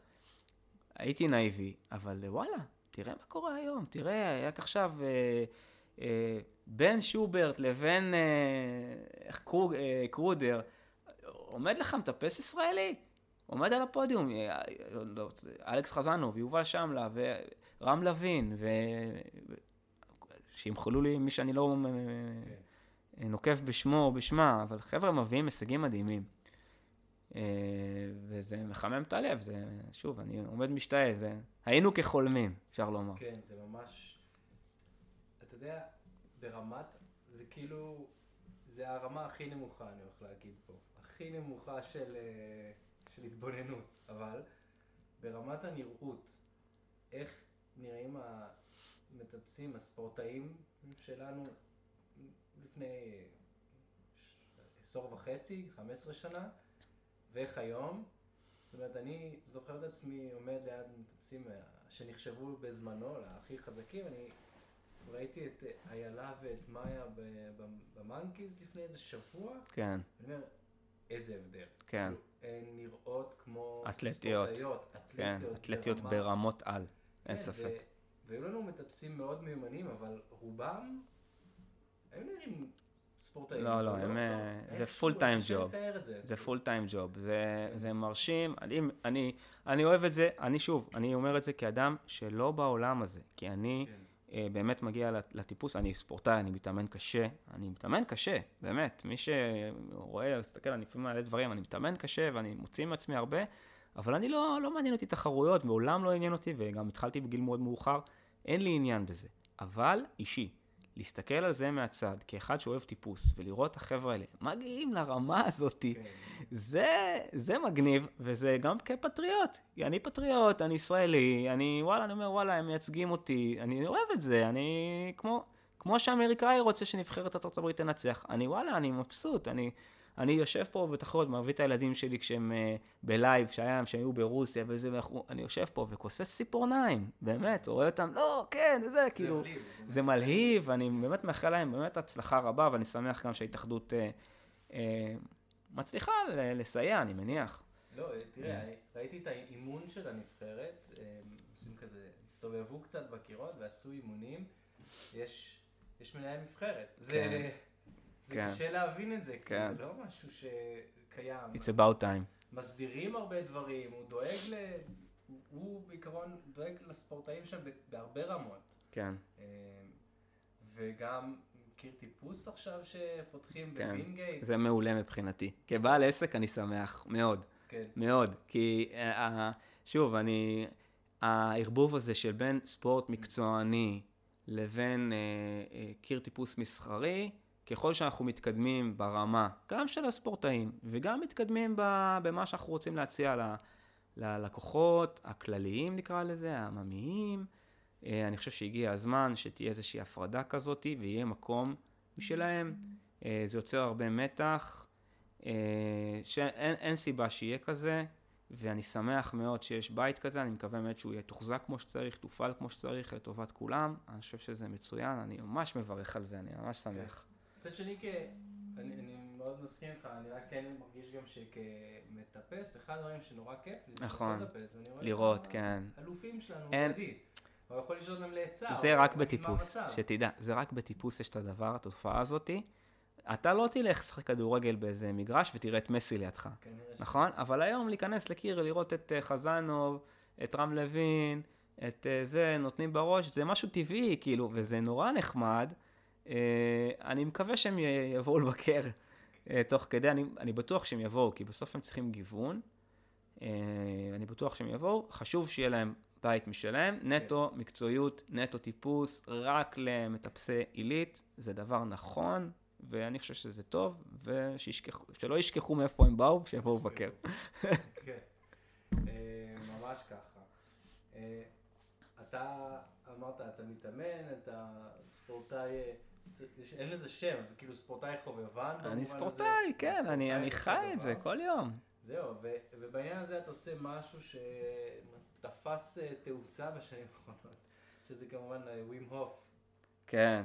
אז איך, איך, איך הגעת לזה, זה משהו שאתה, אתה, כאילו יש הרבה ממש גרופים של זה, כן? שמי שעושה את זה, זה כבר אומר לכולם, אתה חייב לעשות את זה, אתה לא יודע, זה משנה את החיים. אני, זה... אני אגיד לך מה, אני חושב שמה שהביא אותי, אני לא יכול לה, להעיד על עצמי שאני איזה באמת... אה, עושה ווימוף בצורה מאוד מקצועית וזה, זה די חדש לי, כל הנושא הזה, ואני לומד אותו. אני הגעתי לזה מאיזושהי מצוקה אמיתית. בכנות, אני פשוט, אחרי הפציעה שלי, קראתי את הבייספ, ניסיתי לחזור לטפס ולחזור להתאמן, ואז היה מין שרשרת פציעות כזאת, שאני לא אלאה את המאזינים. אה, שוב, אני חושב מאוד טבעי, זה קורה אצל הרבה אנשים שנפצעים. אתה מגיע עם איזושהי ציפייה, ואתה מנסה לחזור באיזושהי צורה, ואז אתה פוצע עוד כל מיני מרכיבים בגוף, ובצורה רצינית. זאת אומרת, חמורה. אה, עד כדי כך שהרגשתי שאני פשוט כאילו מושבת מכל פעילות, שאני ממש, מכל הכיוונים זה תוקף אותי. ואמרתי, אני חייב איזשהו שינוי, וזה היה ככה מה שדחף אותי למים הקרים. כי עד אז לא ראיתי שום סיכוי שבן אדם מפונק כמוני, אמרנו, לא רוצה 40 מעלות חום ולא רוצה זה, אני מפונק. אני מטפס ספורטיבי, תמיד אה, צחקו עליי שאני מטפסים ספורטיביים מפונקים, אז אני ממשיך עם הקו הזה, ומעולם לא דמיינתי שאני אכנס ככה למים קרים. אבל המצוקה מהפציעות ומההבנה שאני חייב איזשהו שינוי בגוף שלי כדי להחלים יותר מהר, כדי להתמודד יותר נכון עם העומס אימונים וכן הלאה, הייתי מוכן לנסות. ואני חייב להודות שזה מדהים. מאוד קשה. אני חושב שאם יש משהו שאני יכול לתמצת כרגע מהחוויה אחרי חודשיים, שלושה חודשים שאני עוסק בזה, זה, לא חושב שנהייתי יותר עמיד לקור, אני, קר לי כמו כל אחד אחר, אבל מה שמעניין פה כן. התגובה שלי לקור השתנתה מאוד. זאת אומרת, אם בהתחלה נכנסתי, אני מצלם את עצמי, נכנס. אם בהתחלה נכנסתי ואני כולי נשימות וזה, ואני בלחץ ואני בזה, היום אני נכנס והגוף רגוע ואני רגוע, אני נושם נכון ואני רגוע, התגובה שלי, איך אני תופס את המצוקה שהגוף עובר, היא משתנה. וזה הפלא. ואחרי זה יש עוד כל מיני דברים טובים שנוספים לזה, שזה ה-blood flow שמשתפר, ואתה יוצא ואתה מרגיש כמו אריה, אתה יוצא והתנועתיות, המוביליות של הגוף, אני כבר לא פקוק כזה, הגוף שלי לא כן. תקוע, כל המתיחות. אחרי זה אתה מרגיש את ה... אני יוצא מהמים, הגוף הרבה יותר גמיש, ומה שנקרא, כמו, כמו ענף צעיר כזה, שיש לו מין גמישות וחוזק. וזה משהו שנגיד, כל המתיחות בעולם לא עזרו לי, כל המדיטציות שבעולם לא עזרו לי, כמו הדבר, להירגע ולשחרר, כמו זה. אני כנראה, לא, זה מה שמתאים לי, משהו, איזה כוח חיצוני שיכריח אותי, עכשיו תירגע. עכשיו ראיתי- תהיה בתוך זה, ת- תקבל את זה. זהו, ראיתי שאתה עושה את זה בערב. עכשיו, אני, דיברנו על זה לפני, אני גם משתדל לעשות את הטבילות קור האלה, האמצעים האפשריים לי, זה יוצא בערך פעם בשבוע. חד משמעית אני מרגיש את הקפיצה של הדופמין, Mm, אחרי זה אני אנרגטי לכל, אפילו יומיים אחרי Mm. זה זה עוד שורד שאני אנרגטי ברמות, ממש ממש ברמות, כאילו אני בן נכון. 18 שוב. כן, זהו, זה מדהים. אתה מצליח ללכת לישון אחרי זה? אני, אז זהו, אז אני דווקא, כן, כן, אני, אני נכנס בערב, אה, בבוקר, בדרך כלל אני פשוט הולך לעבודה, כל מיני כאלה, אני נכנס לפעמים בבוקר, אם אני, יש לי זמן, אם אני בב, עובד בבית, אז אני עושה אימון, ואז נכנס באמצע היום. אה, בחורף זה מסתדר טוב עם הטמפרטורות פה. אה, אבל לפעמים אין לי זמן, ואז אני נכנס, עושה אימון ערב כזה קצר, ונכנס בערב. אני כן, אני יכול לישון, להגיד לך מה, זה לא באופן מיידי, אבל כשאני יוצא, עושה עוד את התרגילים טיפה לחמם את הגוף אחרי, ואז אני, יש בי איזה מין רוגע כזה. אם יש משהו שאני חושב שגם היה חשוב לי לה- להיכנס לעולם הזה של הקור, זה הנושא הזה של הסטרס. אני, אני, אני, יש לי ביזנס על הראש, בעסק קטן בישראל, לא צריך להסביר לאנשים כמה לחץ זה, בטח בתחום כמו טיפוס. חייב. להגיד לך שמהצד, בתפיסה שלי, אולי זאת, כנראה זאת אשליה, אבל בתפיסה שלי, בעלי הקירות הם חיים טוב. לא יודע מה, אני לא ראיתי את המספרים של אף אחד, אבל אני רואה שפותחים עוד קירות, אני רואה שיש כמה, שיובל והחבר'ה של המאנקיז, אה, אילי ויניב, פותחים עוד ועוד, אני אומר, וואו, כנראה שחבר'ה עושים, עושים- מצליח, לא? אה, תראה, אנחנו, אה, אני לא יודע אם אין לנו זמן לדבר על כל כך, אפשר לעשות פרק המשך, אין לי בעיה, בשמחה. אני יכול להגיד על זה הרבה דברים, אבל לעניין הנושא הזה של המים הקרים דווקא, אני חושב שגם בערב, ברגע שאני יוצא מהמים, אני רגוע. אני רגוע. ואז, גם אם יש אנדרנלין קצת, כן. זה יורד שעה, שעתיים, ואז אני ישן הרבה יותר טוב. באמת כן. ישן הרבה יותר טוב, כי אני, כי זה באמת עוזר לי מה שנקרא stress management. הרבה יותר קל לי לנהל את הלחצים הפנימיים, את העומסים, ולא לא חסר כאלו, אה, ממה, מ, מלפני כן. אז אני כאילו חושב שאני אמשיך, רק צריך לחשוב לוגיסטית, לחשוב איך אני מתחיל לקרר את המים כשה, כשהקיץ מגיע, כי זה מתחיל להיות בעיה. מי שיש לו הצעות או בריכות באזור בית אורן, כן. תגידו. אנחנו צריכים, אני צריך מקפיא פה, חברים. לי יש, אה, אשתי קנתה לי, טל, אה, קנתה לי הולדת 40, אה, מכשיר Whoop, לא יודע אם שמעת על זה. זה מכשיר כושר עם הרבה הייפ בעולם הקרוספיט, הוא מודד את הדופק שלך 24 שעות ועוד פרמטרים, את ה-HRV, כל מיני דברים. בגדול הוא בסוף נותן לך מדד recovery. מהמם. בימים שאני עושה אמבטיה קרה, Mm. אני רואה באופן וואלה. כאילו אובייקטיבי כביכול. לא כן? כי גם אם הכרתי. יש לזה שגיאות, השגיאות הן עקביות כביכול. כן. אז בימים אחרי אני רואה ריקאברי בהחלט גבוה. מה. אתה אז אומר? תלוי כמובן מה, איזה אימון עשיתי גם. אבל, מה אתה אומר? כן, או אם הילדה התעוררה בלילה. כן. זה משפיע. אבל בגדול זה בהחלט משהו שאפשר לראות. לא, אני, אני לגמרי, אני חושב שה... שוב, דיברנו על הגיל, אז אני, ואני שוב מתאמן קשה, ואני עושה אימונים לא, לא פשוטים.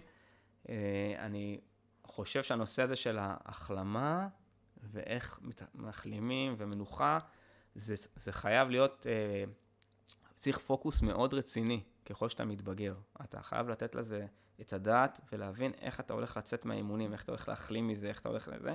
והנושא הזה של המים הקרים, כרגע נראה לי אה, מאוד מסייע. אז אם יש מטפסים או מטפסות שזה, אני, אני ממליץ לכם לנסות את העולם, לטעום מזה. אולי תשימו בקיר. אה, תביא מדריך. אה, תראו, יש, חבר'ה בקיר. שאני ראיתי שעושים כל מיני סדנאות כאלו. כן, וזה- יש, כמה מדריכים פה. רשמיים, לא יודע אם זה מעניין. חשוב או לא, אבל בסוף השיטה היא מאוד פשוטה, אבל כן, אולי תביאו לקיר. כן, זה נחמד, זה זה רעיון מעניין, זה רעיון מעניין. כן. ושאלת אותי, רשמת לי בשאלות, איך זה להיות אה, משפחה מטפסת. כן, כי אני, אני למה, אני שואל, למה שאלתי אותך? כי אתם, אה, הבת זוג שלך מטפסת, אה, ואתה מטפס בעצמך. אצלי נגיד זה לא ככה, אשתי ככה, לפעמים מגיעה לטפס כזה בקטנה, אבל היא לא, לא, היא, היא לא מטפסת, זה לא מעניין אותה, אם אני אקח אותה איתי עכשיו ל, ליום טיפוס, זה, היא מאוד תשתעמם, וגם גיליתי שבסוף, אני לא אגיד, לוקח את הילדים לפעמים, פה ושם, אבל אני רוצה את זה לעצמי. אתה מבין? אני כאילו הולך, אני כבר זהו, אני, אני יודע שאנחנו מסדרים את הלו"ז, אני נוסע לטפס, כן. אני עם עצמי, אני לא עכשיו דואג למי שאיתי, הילד ככה הולך לפה, הולך לשם, עם אשתי, שהיא תרגיש טוב, שתהיה מרוצה, שיהיה לה סבבה. אני הולך, עושה את זה, באמת, זה יום אגואיסטי. אני כן. דואג רק לעצמי. אה, אה, מקצין את זה קצת, כן? אבל, אבל באמת זה המקום. ואתה, זה מקום אחר, כי, כי אתם שניכם מטפסים. נכון. ואיך אתה, איך אתה חי את זה? זה פרק שלם שצריך להקדיש לזה, בהחלט. זה היה הפרק השלישי. כן, היה פרק. אה, היה פרק, אה, מעניין. אבל אה, בלי ילדים. Mm, אה, לא, דיברתי עם הילד. לא לערב הורים ולא לערב... הילד קליין, עם הילד Mm. קליין. אה. שנינו יפה. יפה. אבל אה, כן, אני, זה רק מזכיר לי אבל משהו, כשאתם פתחתם את הבולדר גרנו בחיפה, והיינו הולכים, ל... כאילו, פתאום היה קיר בחיפה, כן. זה לא ממש היה. והתחלנו ללכת לבולדר ואני זוכר שזה הרגיש נורא משפחתי, כי אה, גם אשתך הייתה שם, וגם נכון. זוג של שמעון, נכון. ותינוקות, ו... כן, כן. קטנים כל כל הג- הזמן הם שם. גדלו שם, כן. כן, אני זוכר שזה היה, מאוד הרשים אותנו ברעיון הזה של משפחה מטפסת. כן, הבאנו אפילו לול. בימי שישי הבאנו לול, לא רק לנו. שאם אה, לקוחות מגיעים עם התינוקות, הם שמים את הילד בתינוק קטן, שמים אותו בלול, מטפסים, ואז זה מאוד נוח, הילד לא מסתובב, יותר בטיחותי, לא, יותר ההורה או האימא שקטים, שהם לא זה, זה היה מה זה מגניב בתקופה. כן יחזרו, כן יחזרו.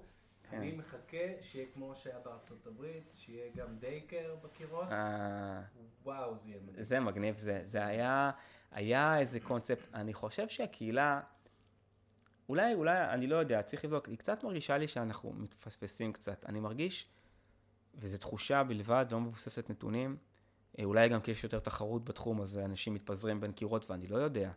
אבל אני- שואל איפה האנשים? זאת אומרת, אנשים טיפסו, אז הם התחתנו, אז הם עובדים, אז אבל למה אני לא רואה אותם? כאילו, את? נכון. יש כאלה שאני רואה שנים, שנים, יש כאלה שאני רואה באמת שנים, והם גדלים איתנו וזה מגניב, ויש הרבה שנעלמו לי. חלק ו- ברחו מהארץ. אולי. כמה חברים אולי. זהו, זה חבל. אה, אבל גם אני מרגיש את זה. אני וטל, אה, כשהבת שלנו נולדה, הלכנו לטפס בחוץ, לקחנו אותה איתנו, הופתענו, אמרנו, איפה? Mm. איפה אתם? ידענו? שיש עוד זוגות נכון. איפה אתם? פגשנו פה, שם, כנראה שזה... כאילו הם מפסיקים, כאילו הם מפסיקים. לטפס. או, או מפצלים. אז שאלת אותי איך זה להיות משפחה מטפסת, זה קשור לזה. אני גם רואה, אה, זה מתחיל מזה שזה היה לפני שהם אה, ילדה, שהיינו רק אני וטל, אז זה היה הדבר הכי כיף בעולם, Mm. הכי נפלא בעולם, והכי קשה. וואלה. הזוגיות מתערבבת באופן חד משמעי Mm. בטיפוס, והיו לנו תקופות שזה היה מאוד קשה לטפס ביחד. Mm. ש... אתה יודע, בטיפוס בסוף אתה מגיע, אתה מתמודד עם פחד, עם אכזבה, עם קושי, עם אתגר, עם הצלחה. יש איזשהו איזון בין כמה אתה רוצה להיות פגיע שם, נכון, ורגיש ופתוח, וכמה אתה רוצה להיות מוחזק. נכון. בזוגיות זה המקום שיש לנו הגברים להתפרק. זה עניין כן. של תרבות גברית אה, כן. לא אידיאלית, אבל... זאת אומרת, אני עובד על עצמי, אני לא יכול לעבוד על מי שמסביבי, אז, כן. אז בסוף יוצא שזה עדיין יוצא המקום שהכי קל להתפרק בו, וזה לא עובד טוב עם הטיפוס הרבה פעמים. אז לי היה מאוד קשה, וזה יצר מתחים בהחלט בזוגיות. מצד שני, יש לי בת זוג מדהימה. אה, כן, גם מטפסת שנינו- מחוננת מאוד. מטפסת מחוננת, אנחנו גם שנינו מאוד אה, עוסקים בעולם הנפשי, הפסיכולוגי, רוחני, טלי פסיכולוגית בהכשרה, אני מדריך מיינדפולנס, אנחנו חופרים אחד לשני בצורה נפלאה על העניין הזה, וזה אפשר לנו לעבוד על זה, ממש ממש לעבוד על זה, והיה לנו הכי כיף לטפס ביחד, הגענו למקום שאנחנו מצליחים לנצל את הטיפוס יפה. ככלי. לעבוד על הזוגיות. אם כי עם השנים גם נהיה נורא ברור שחשוב גם כל להפריד. אחד אה, לפתוח את הזוגיות בטיפוס, כן? שכל אחד יטפס כן. עם זה- זרים. החלפת זוגות, מה שנקרא. החלפת זוגות. כן, כן. זה מאוד ברור. יפה מאוד. ועכשיו עם ילדה זה הכי ברור. פשוט אה, קשה מאוד למצוא זמן, גם אני וגם היא. יש לנו יום אחד כזה בשבוע אגב, שאנחנו הולכים לטפס ביחד עם המזג האוויר מגניב. מאפשר, וזה היום אחד הימים הנחמדים וכיפים. אני הכי מפחד כשאני מטפס איתה. כן. בתקופות שיש מתח בזוגיות, ואני הכי בטוח כשאני מטפס איתה בתקופות שאין כן. אין הרבה מתח בזוגיות, וזה דבר שמשתנה עם החיים. כן, יאללה, איזה קטע. אז זה ממש ככה. אז נגיד עכשיו אה, עמוס, ילדים, קשה לי יותר אה, שאני מטפס דווקא איתה, אם אני מטפס עם פרטנר אחר, פחות אישי, פחות כן. רגשי, יאללה, איזה כיף, אני נותן עבודה. כן, אה, וחסר לנו גם זמן ביחד, פשוט שהוא זמן זוגיות, ולא. רק זמן טיפוס. אז זה גם, אז זה מאתגר, אבל אני חושב שבשביל לטפס למשל מולטי פיץ', Hmm, הכי כיף בעולם. לטפס מולטי פיץ' קל אפ- אפילו. איזה קטע. וואו, זה כיף. אה, אלעד סיפר לי שהוא טיפס עם הבת שלו, אני כאילו... איזה יופי, איזה מחזיק את קטע. הרעיון הזה כבר... אה, איזה יופי. לפני. זה נשמע לי רגע מכונן, מדהים, שנ- שנוכל להגיע לזה. איזה יופי. אתה יודע, מה מעניין ש... אתה יודע, נגיד, אני חושב על הילדים שלי שהם אה, קצת מטפסים וגם קצת בשטח לקחתי אותם, בטח בקורונה, שלא ידענו מה לעשות עם עצמנו וזה, והם מכירים ויודעים, נחמד להם, הם קטנים נורא, שמונה, שש, כאילו, לא כאלה. אבל אני- הם לא עפים על זה, לא כל עולמם הנושא הזה של הטיפוס, ואני מבין כמה אני שווה נפש עם העניין הזה. כן. כמה לא אכפת לי. באמת לא אכפת לי. כאילו, אני, אני, זה מה, מה מצחיק? שאני לא מיסיונר של טיפוס. יש לי קיר טיפוס, זה הביזנס שלי, זה המתפרנס מזה, אבל אני לא מיסיונר של התחום, אני לא כאילו בא ודוחף לאנשים, אתה חייב, אתה חייב, לא חייב, לא חייב, לא רוצה, זה, אם אין לך את נכון. המשיכה הזאת, יאללה, בסדר, הכל טוב. לא, אני לא יודע עד כמה כן. הבת שלנו תרצה לטפס ותהיה כן. בעניין, אבל אני בטוח שבגלל ששנינו מטפסים והטיולים שלנו לרוב כן, כן, היא תיכנס לזה. במידה מסוימת היא, תעשה את זה ותדע, תהיה מיומנת ברמה כזאת. זה נחמד להכיר את זה, זה כן. נחמד, זה... כן, גם בלי שנדחוף אותה, פשוט כי כן, רוב, סיכוי מאוד סביר שהיא תדע את זה באיזושהי מידה. אה, אם אה. היא תאהב את זה או לא, יהיה לנו כיף שכן, כי אז נוכל לעשות טיולים של כולם סביב זה, אבל אם לא. כן, לכל מי. ששומע אותנו אי שם, וחבר'ה שהם כבר עם משפחות, והם זה, והיה להם פעם, קצת טיפסו וקצת קשה להם, חבר'ה, come back home, תחזרו הביתה, בואו לטפס, לא צריך לעשות, לא שחור או לבן, אתם לא צריכים להיות רמבו, אתם אה, תבואו, תהנו, תזרמו, נכון. תחזרו. זה לא... החיים קצרים, אנחנו פה ל... רק, אורחים לרגע. הולכים לרגע ממש, זה, ה- זה הכל, כן. אה, אז זהו, זה, זה באמת אה, מעניין. ויש הרבה משפחות מטפסות כבר, ש, ששני הזוגות, בני זוג. מטפסים, ויש כבר ילדים. ו... זה מרשים, זה מרשים אותי מהצד, כי אני לא מכיר את זה, אצלי במשפחה שלי, אני, אני זה הפ- הפנאט כביכול, וחבר'ה, בסדר. תראה, טיילנו בארצות הברית אה, ארבעה חודשים, ילדה בת שנה, שנה, כשהייתה בת שנה ממש, טסנו, וזה היה הטיול הכי מאתגר שעשינו אי פעם. קשה לטייל עם ילדה בת שנה, דבר כן. אחד, לא, לא היה לנו לפני זה, אז לא ידענו. שנות, עניינים, בטח. כן, וגם הטיפוס בטיול הזה למשל יצר המון מתח. זה היה קשה. Mm. לא יכולנו לטפס ביחד, ילדה בת שנה זה עוד לא, כן. זה עוד לא השלב, ואין דודים. כן. אמריקאים הם חברותיים, אבל הם לא יודעים להיות אה, דודים. הם בוקים, הם לא... כן, אמריק... ישראלים אתה פוגש, הם תוך שנייה נהיים דוד. כן. תביא את הילדה, נחזיק אותה, תפסו. כן. אמריקאים זה לא ככה. זה, זה צריך ביטוח, בוא נתפסים, תחתום לי פה, כן. תחתום לי שם. אה, אז היינו צריכים למצוא פרטנרים, ואז לפעמים מצאנו, לפעמים לא, לפעמים מצאנו פרטנר, אבל הפרטנר היה מאכזב. ואתה יודע, אנשים מוכרים את עצמם שם להיות פרטנר, כן, I have a lot of experience, yeah, yeah. ואז אתה מגיע ואין לו experience, כן. אתה רואה שהוא קושר בכלל, לא וואו, נכון, וואו, והוא- איזה פחד. וואי. נכוויתי עם זה כבר בעבר, בעבר הרחוק. כן, ואז פחד. אז תחשוב, אתה עובר יום כזה, כולך מבואס, אתה לא מטפס שום דבר אה, מאתגר או קשה, כי אתה לא באמת סומך על כן, אתה מפחד. ואתה חוזר, וטל הייתה כל היום וואי, מתפוצצת, כן. משחקת בשמש, וואו. וכאילו, איך היה? אה, היה מאפן, והיא כאילו מתעצבנת עליך, כן. לא מאפן, אני מתאמצת כאן עם הילדה. כן.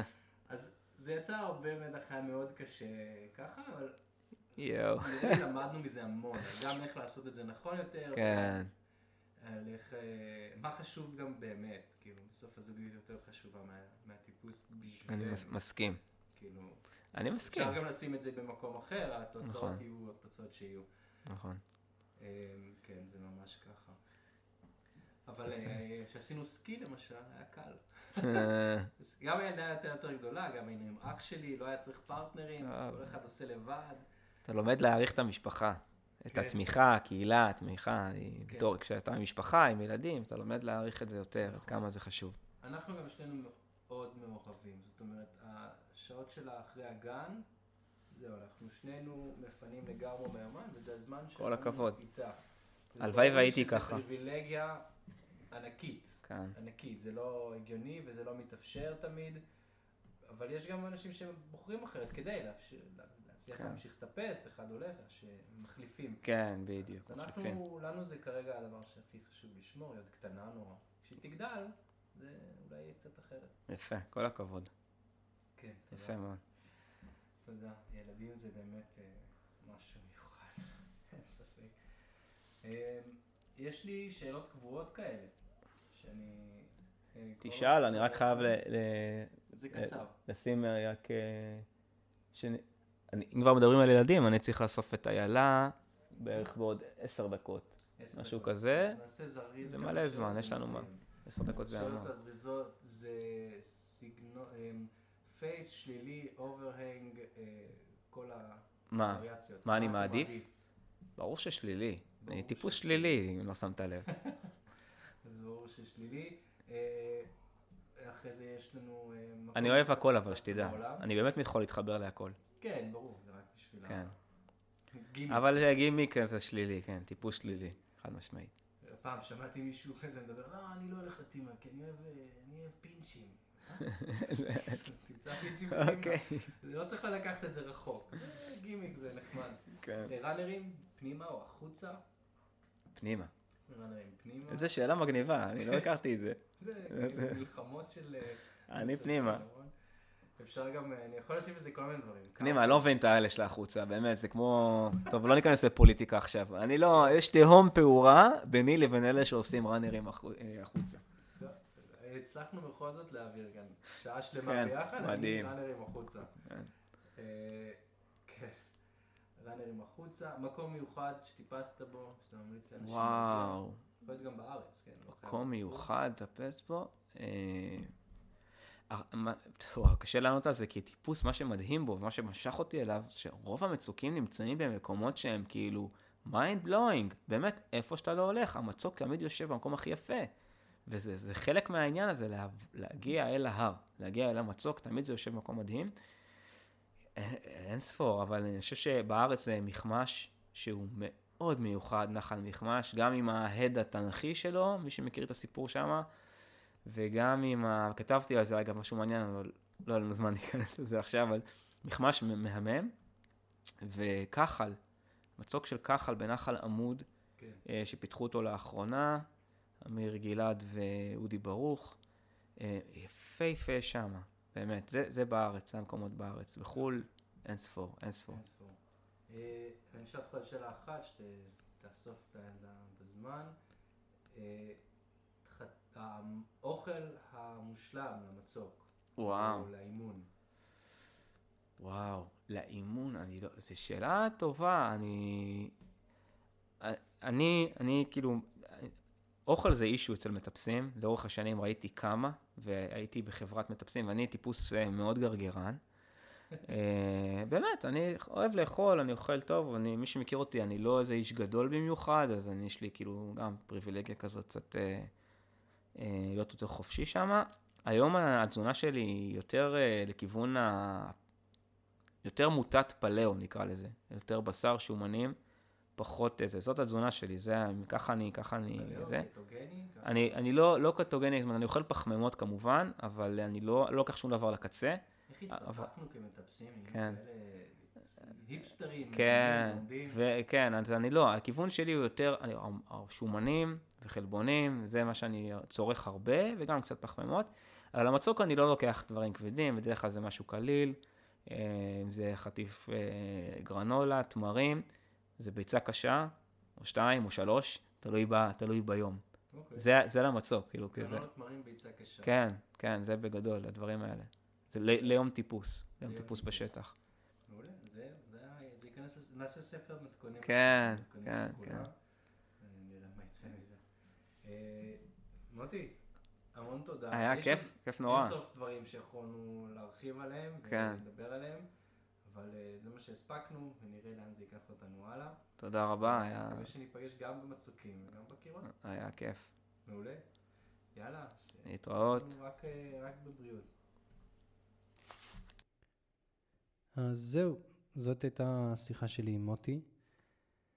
אמ, בהחלט אה, מוזמנים ליצור קשר, לתת רעיונות איך להמשיך את הפודקאסט הזה בזמן המורכב הזה של המלחמה,